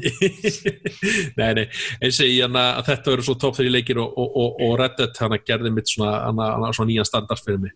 Mm. uh, á svona veröld hvernig er lífleg og, og, og, og hvernig brestið og það var bara ekki en Mhm. þetta voru svona og, og Breath of the Wild var bara þetta er svona, hann er bara, þetta er ekki groundbreaking leikur þetta er svona, þú veist, að, að, að, er bara, þetta er seldaleikur það skiljið mm. þannig að veist, þetta er bara, þetta er svo mikið hugmyndur og öðru leikjum, en það er bara, bara seldaformúlan í og þetta er bara, að þetta er geggja, þú veist sem hann er en já, þetta voru mínir svona topp svona fimm leikir uh, þrýr uh, Bjarki, hvað voru þínir? Ég er spenntur að heyra Já, ég er mér ógeðslega mikinn valkvíða, sko. Af því að ég fór að hugsa, ok, maður er að spóla aftur í tíman og maður er að tala um 2010 til 2019 Mm. og til dæmis eitt leikur sem að stóð ógeðslega mikið upp á sínum tíma hjá mér var hérna LA Noir. Ég spilaði hann þegar hann kom út sem var hvað, 2011 eða eitthvað svo leiðis. Mm. Sama Já. hér Þú veist, ég hef ekkert spilað hann síðan þá, þannig að ég, maður er svona, er Ég hann eins frábær í dag? Ég kíkt á hann ég, á plessin fjögur mitt aftur Já. Þú veist, Sko, það var að skoða hluti og manni fannst það ókslega nýtt og svona Já, og sagan var ókslega flott og góð og þú veist að lesa þarna í andlitin á personunum allt þetta mm. þannig að ég, ég valdi að hann reyndar ekki sem eh, hérna uh, á topplistan hjá mér sko en maður fór að hugsa svona hvað það var langt aftur í tíman einhvern veginn sko. Mm. en uh, leikinni sem ég valdi það var líka God of War er líka á mínu lista. Ok, mér, mér fannst einmitt að það er bara sama ástæðan. Það er hérna uh, þú veist, maður er ekkert að sjá endalega eitthvað rosa mikið að nýju, en það er allt svo ógeðslega vel gert í leiknum að maður fær bara gæsa húð og svo ofan að það er búið að bæta við, þú veist, hérna norrætni guðafræði já, tala ekki um það. þú veist, þú íslensku, bara hvað allir þú veist, you had me at hello dæmi eitthvað, bara þannig að það sem ég engin vegur annan mann og eitthvað svona, bara Já, eitthvað og þetta er íslensku kór og eitthvað, þú veist, come on. þetta er, ég er ennþá að hlusta tónlist til einum þetta er bara, Já. er sko. Já. Lægi með er geggja Ú, Já. Ashes, það heitir það með sig. En þið hafið ekki séð þannig heimildamindin God of War, þannig að hún er tvei tíma Nei, ekki sem Racing ég, Þú er að horfa á hana Bjarki, þetta er hún er, hún er, hún er, hún er, hún er, hún er guðdómli, sko, þannig að Ég tekka henni Svo er ég líka með The Legend of Zelda Breath of the Wild. Geggjað, Mér fannst hún, að mér, sko, ég hef aldrei á æfinni dottið í Zelda-leik ok. Ég hef bara spilað Zelda-leik, ég hef aldrei bara einhvern veginn svona, ég bara spilað og aðeins til að prófa og svona, með, ok, cool. En þarna var ég bara, þetta er geðveikt, sko, og hérna gjössalega festist í heiminum og, þú veist, ég held að ég hafi líka verið komið ákveðin frákarsenginu frá bara góðum Nintendo-leik vegna þess að, þess að ég á ekki Switch heldur, ég hef búin að eiga Wii U ókvæslega lengi og maður alltaf svona býð eftir einhverjum svona demanti, einhverju, einhverju góðum nýjum leiki þá tölvu og svo kemur þessi leikur og bara bombar mann lengst í burtu sko. Og svo og bara allt gott við leikinn sko. Þetta er líka bara svona sandbóks, þetta er svona bara verður þú bara gera það sem listir. Já. þú bara, Og- þú klára leikin eftir þínum henduleika og og stílinn í hún líka ógeðslega heillandi finnst mér, já, Já, svona öðruvísi frá öðrum finnst mér. Og svo þriðji leikurinn er hérna sem að ég var svona datt inn og datt út á listanum fram og tilbaka en ég ákveða að hafa hann hérna inn og það er Portal 2 ú, mm. ég er sem sagt mikill portal, portal aðdáðandi og mér fannst Portal 2 sko hann stóðst ekki alveg í væntingar en hérna mér þrautirna svona aðeins of auðveldar, En ég var þetta var samt já, saga mjög góð og heimurinn ókslega góður og ég bara elda þetta, elska þetta hérna Portal koncept sko. Og svo að maður er með einhverja rönnur uppa þá var það örgulega það var örgulega GTA 5 Rocket League, Red Dead 1 ég datt ekki í 2 sko, ég hérna að sé bara að því ég spilaði eitt einhvern veginn í gegn og þá var þetta bara einhvern veginn búið. Mér fannst þetta ekkert spennandi einhvern veginn því ég var að spila 2 þótt Ég allt hafi meina, verið flottara og allt svona sko. Ég mæli með að gefa hún séðans hann, Já, ég var örgulega eftir að gera það ekkert í hann sko. En uh, já, ég held að það sé komið. Þú veist, það er alls konar leiki líka sem er mjög að standa upp eins og Sleeping Dog með þessu og Doom, Last of Us og allt þetta. Já, já, Þú er veist, tók leikjum, endalaust, þetta er tíu ár þarna sko. Já, Við, get, við getum verið alltaf lengi ef Já, nákvæmlega, maður verður að stoppa ykkur stær Eh, Já, Eh, Sveinn? Ok, ég er svona svipaður eins og þið, ég lendi í vandræðum og ég er svona búin að, ég sitt hérna að horfa á listamennu og ég er svona, uh, já, ég pínu böllu þetta er bara þrýr, ok, ég er svona svipaður, Witcher 3, það er, myndi ég segja, einn af mínum uppáhaldsleikjum Já, þú tókst á fram með Skyrim. Eða Já, Skyrim líka listan með hann náði ekki top 3, Ok, já. Það segir ímislegt, ég elska Skyrim, en Witcher 3, Ég ég, fannst það bara svona sögulega að sé svona hana, hana svona, einmitt hann er bara svona gera allt betra að Sko, eins og ég segi, ég er búin að vera að endur spila Witcher 3 núna på síkastið og hann stendur þetta, ég hef endur spila Skyrim en hann eldist ekki eins vel. Nei, já, ok, já. Og þú veist, hann er það góður en en ég veit ekki, ég get alltaf farið tilbaka í Witcher 3 sem ég er mér og ég grunar að ég muni gera það nokkuð sem.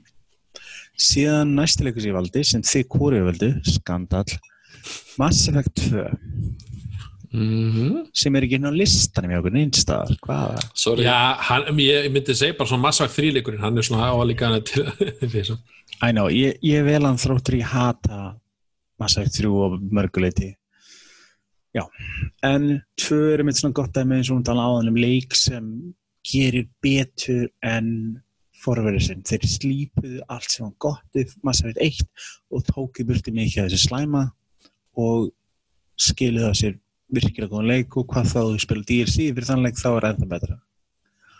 Síðan valdi ég eftir mikið vafa valdi ég Red Dead 2 Já, Ek, ekki. Einn Mhm. og ástæðan fyrir því sko það sem er einsting við þann leikar er mynda þetta er skoðið, þetta er leikur nummer 2 en er samt gerist það undan nummer 1 sem er aðstæðan það ætti að vera með eitthvað manni fyrir vikið en það sem ég er við þann leik ég held að ég myndi aldrei fíla neitt karakterins mikið og Marsten en síðan þegar ég var að spila sem Arthur Morgan þá bara já. Hann er ástæðan sem ég spila þetta hann saga og hans karakter ég sa- satt í manni eftir að maður spila já, ég að samla því, hann er bara svona lærið að elska hann og, og, og, og maður svona Já. tengis miklu, veist, gengi, ég, maður vill ekki fara neitt inn spilli, að svona, Nei, nei, sko, og sé, ég menna maður tengdist Marstenin aldrei eins ég tengdist þessum á svo mörgum sviðum sem ég hef aldrei gert hefur svona, veist, hann er svona samviska maður sem er, þú veist, maður er alltaf Já, svona, það, það var eitthvað Vitir í hópinn og, bara já. hlusta á hann tala og eitthvað sluðis og já, Já. það var ástæðan fyrir að fara ekki allt saman en ok, leikir svona sem komast ekki á lista þeir eru svona ýmsum áttum. Bloodborne er leikur sem ég held ég myndi aldrei sitja á svona lista en ég gerði það. Já, það er, já, áhugavert Doom, eiginlega. Metro 2033 Mhm. uh, Assassin's Creed Origins. Uh, elska þann leik. Elska heiminn, elska sögursvið, Egitaland þetta er bara, gerði þetta svo vel uh, Dark Souls 1 ég veit að Steinar er mér hérna því Já, ég á mikið love-hate samband með þann leik ég byrjaði og hætti á hann mjög þrjusunum og ég langaði að brjóta diskinn svona 60 sinum ég get ekki eins og keift hann eftir að hlusta fólk tala um hann sko. hvað leikur var það þetta? sko, ég mæli Já, sko, já. mín, mín nálgun á þessi séri, ég ætla að reyna að taka þetta örstuðt ég, fyrsti leikurinn sem ég spilaði og kláraði í þessari Soul-seri var Blood, uh, nei, fyrir ekki Dark Souls 3 ég fór öfu leið.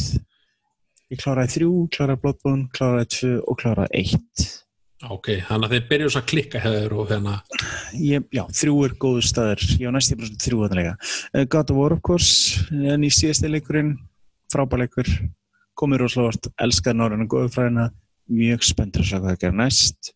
Portal 2, setja líka hana uh, Horizon Zero Dawn Skyrim Breath of the Wild. Já, það er svona nokkuð þeim sem ég sett inn þannig að Skyrim fekk að fara á já, ég bjóst aldrei, ég myndi setja hann ekki í top 3 en Það er rosalega erfitt að velja topp 3 hefur svona rosalega langt tímabil sko. þetta er Það er nógu erfitt að gera topp 20 fyrir það sko. Ég, eins og segi, það er strempið að gera fyrir þegar árið er gott sko en að velja top- topplista en ef þið eru út að taka áratíðin þú veist, þá er þetta enda meira sko. Það er ýmsi leikir sko, þú veist sem sitja í manni fyrir mismöndi ástæður ég meina, þú veist uh, ok, sorry. Nei, ég fór, ég fór bara að hugsa sko að hérna hvað mikið af þessum leikjum er mitt í rauninni nýlegir leikir? Það er ekki margir leikir sem við sko, vorum en, að en svo sé það, sé aðra leikir. Heavy Rain aftur á móti, leikur sem ég nefndi ekki sem ég hef mjög Mhm. gaman af. Og síðan nýri leikur, Detroit. Ekki allir partar hans en það voru ákveðni partar hans sem ég veist rosalega góður mm -hmm. Það er, eitthvað ekki, við eins og sé, við getum við það marga daga þess vegna að ræða um leiki og hljóðis. akkurat En svona eins og við segjum, við, erum með eitt, eitt fótíni í fortíðinni og annan í framtíðinni þegar við horfum á tilbaka hvað er svona þróunin einhvern veginn í tölvuleikjum er svo ótrúlega hröða það er hérna, veist, leikur sem að þótti bara groundbreaking hérna 2011, 12, 13 Mm. er bara frekar normal leikur einhvern veginn í dag Ég meina, þú sér það, Skyrim kemur, út- þú sér það, Skyrim kom út 2011, það er nýju ár síðan hann kom út Já. haldið þessi góða líkur að VR-leikur verður á topplisti hjá okkur eftir tíu ár það er alveg möguleiki sko Já, 2030? 2030 Shit. ég held að það sé ekkert ólíklegt sko Ætli verður þetta ekki að tala henni í VR strákar, verður bara svona Já. með einhvern Hvað er podcast? það voru leikjavarpið því hann að sjötti þáttur. Nei, tjók nei. Þetta, þetta verður láma menn Sjötti nei, ég er að segja það voru vel í VR að tala saman og taka upp, nei, nei. Eh, hérna, uh, já, þetta er búið að vera alveg uh, flott umræði hjá okkur. Og ég veist þannig að það er sem ég segja við erum konið yfir tíma næstu því en það var að berast í frétt. Mér langar að koma að því henni. Mm. Já, uh, Sveit bendur mér á okkur það og Playstation ætla ekki að vera á í3 annað ári í röð jöp Nó, þetta er bara skilnaðar yfirlýsing Já, eiginlega sko, ég, hana, ég, ég, ég, maður hafði svona uh, efasemdir, en samt að því PlayStation 5 er komið út, þá hugsa maður, jú, Já. þeir hljóta að keira hana, en, en, nei, þetta, þeir það, Nei, ef eru ekki fara þarna þau eru ekkert að fara aftur sko. Í3 er búið að vera í rosalega lægð síðust árin og þetta er, er, Já. ekki, að hjál- er ekki að hjálpa þeim neitt sko með þessum fréttum Ég hef heyrt frá fólki sem hefur kíkt þarna sko farið á staðinu og það er bara svona uh, ég mæli fyrir ykkar með því bara að horfa á þetta heima í strím Svo er líka bara, eh, svona, svona leikjapegjar í, í svona sem hafa verið svona, það er að segja, þannig að þeir sem búin að vera í, í innrænum í mörg ár, Mm. þessi besta sæti sem þú fær á bestu upplýsingar, það er bara heim í sófa, bara þægileg sæti, með bjórið, þú veist, eða bara góðum drikk, og, og, og þitt, þannig að, veist, mat og bara, veist, þú sérða allt og upp, eða, Já, þú kannski fara ekki að spila, og ert ekki að standa í, í fimm tíma röð til að spila selda, þú veist, eitthvað. já. Ég mæli frekka með að fólk vera Gamescom til dæmis eða Já. PAX eða eitthvað, eða langar eitthvað svona festival en Akkurat, í ég- þrý er, já Ég, svona, svo er þetta er alveg svona, segja, miklu meira heldur en bara leikina, þetta eru svona eitt minnum ég fór á þetta sjó í fyrra þá var þetta, þú veist, eitthvað svona human crane og eitthvað, þú veist, þetta var svona þetta er svona, þetta er orðin eitthvað svona fun part fyrir þennan sjói, en þessi, anna, þessi leikin, þetta er, já. Hvað er þetta Sony gerir þá í staðin? Heldur það verður að bóða Verður með eitthvað kynningu Já, já, bara please ekki kynninguna sem State voru of með í- Play. Bara svo lengi sem verður ekki með kynninguna sem var í hitti fyrra. Nei. þarna í og milli herbyggja sem var eitthvað kósi stemning eitthvað var það, það? Já, þeir hann gauðir með Já, það var svolítið skrítið. Það var skrítið Það var svona býtið hvað var í að- við gangi ætlum að- við ætlum að kynna þrjá leiki og við ætlum að vera með þetta ógslu sýrt og já, Já, en Það var ekki að tala of mikið, einmitt, fara milli herbyggja og ótrúlega langi trailer. Svo ég er þetta ofta einmitt, þetta í þrý sýningarnar, þetta er bara rosa mikið bara YouTube playlist, þú veist. Þetta er það. Það er ekkert voðalega mikið eitthvað svona ekkert voða mikið af fólki að tala og segja eitthvað voða merkilegt, þetta er bara meira svona sjáðu. Sjáðu Það þetta eru sem þeirra sjáðu mest aðteglin þeim eru, eru hann að setja með YouTube annað stjörnur og annað sem spila leikin og tala og þeir eins og- eitthvað. Já, bara því miður, þú veist, og maður elski hitt meira þá, fær þetta mest aðteglin sko. Já, ég meina, heiminn hefur breyst með tilkomin netsins og fleira og eh, sýning eins og í3 hefur ekki sama aðdraftafl eins og hann hafði aðeins fyrir. Nei. og fyrirtækjum finnst auðvöldra að einmitt halda sinni eigin kynningar í dag. En ég vona alltaf að þeir verða með þeir, þeir, þeir verða verða bátt verða með með eitthvað. hvort þeir þeir verða verða með með- kynningu. hvort það með í, kringum í þrýri eða viku eða eins og í fyrra þá held ég voru með eitthvað svona state of play. Já, að- bara, Nintendo er bara með svona sjálft á sama tíma já, þeir að en með þeir eru samt á í þrýri þeir eru með, þú veist, þeir eru hérna með bása hana- og svona. Já, já, en, Já, en. En, en, en Sony þú veist, Microsoft er líka með bása en bara hinn með göttuna eða þú veist, fattar þau, á meðan hérna til þeim svona EA eru farnir þeir annars þær í borginni þú veist, já, þetta er orðið núna allt bara sitt eigi dæmi og setja streymt að netinu og já. og Þetta, ég, og ég, ég held svo business að þetta fyrir Sony þetta bara, þú veist, þetta, er- bara svona frekjunar í mér, svo, ég vil hafa það því skilur, á meðan, veist, þeirra, þurfið eða þetta verður mjög forðanlega að sjá sko líka hvenar Sony mun kynna Playson 5 þú sér að þeir eru ekki ennþá búna því, jú þegar við vitum af henni svoleiðis. gera það í vor eða, eða eitthvað sem Já, kem ekki já. sem februar, mass eins og ég Já. gerði heldur mig, svona kynna vélbúna það með Playson 4 mitt svo leiðis já, og svo, svo er náttúrulega kynntu meiri í, hana, á í því en þeir verða með stikkt að play eða eitthvað svona,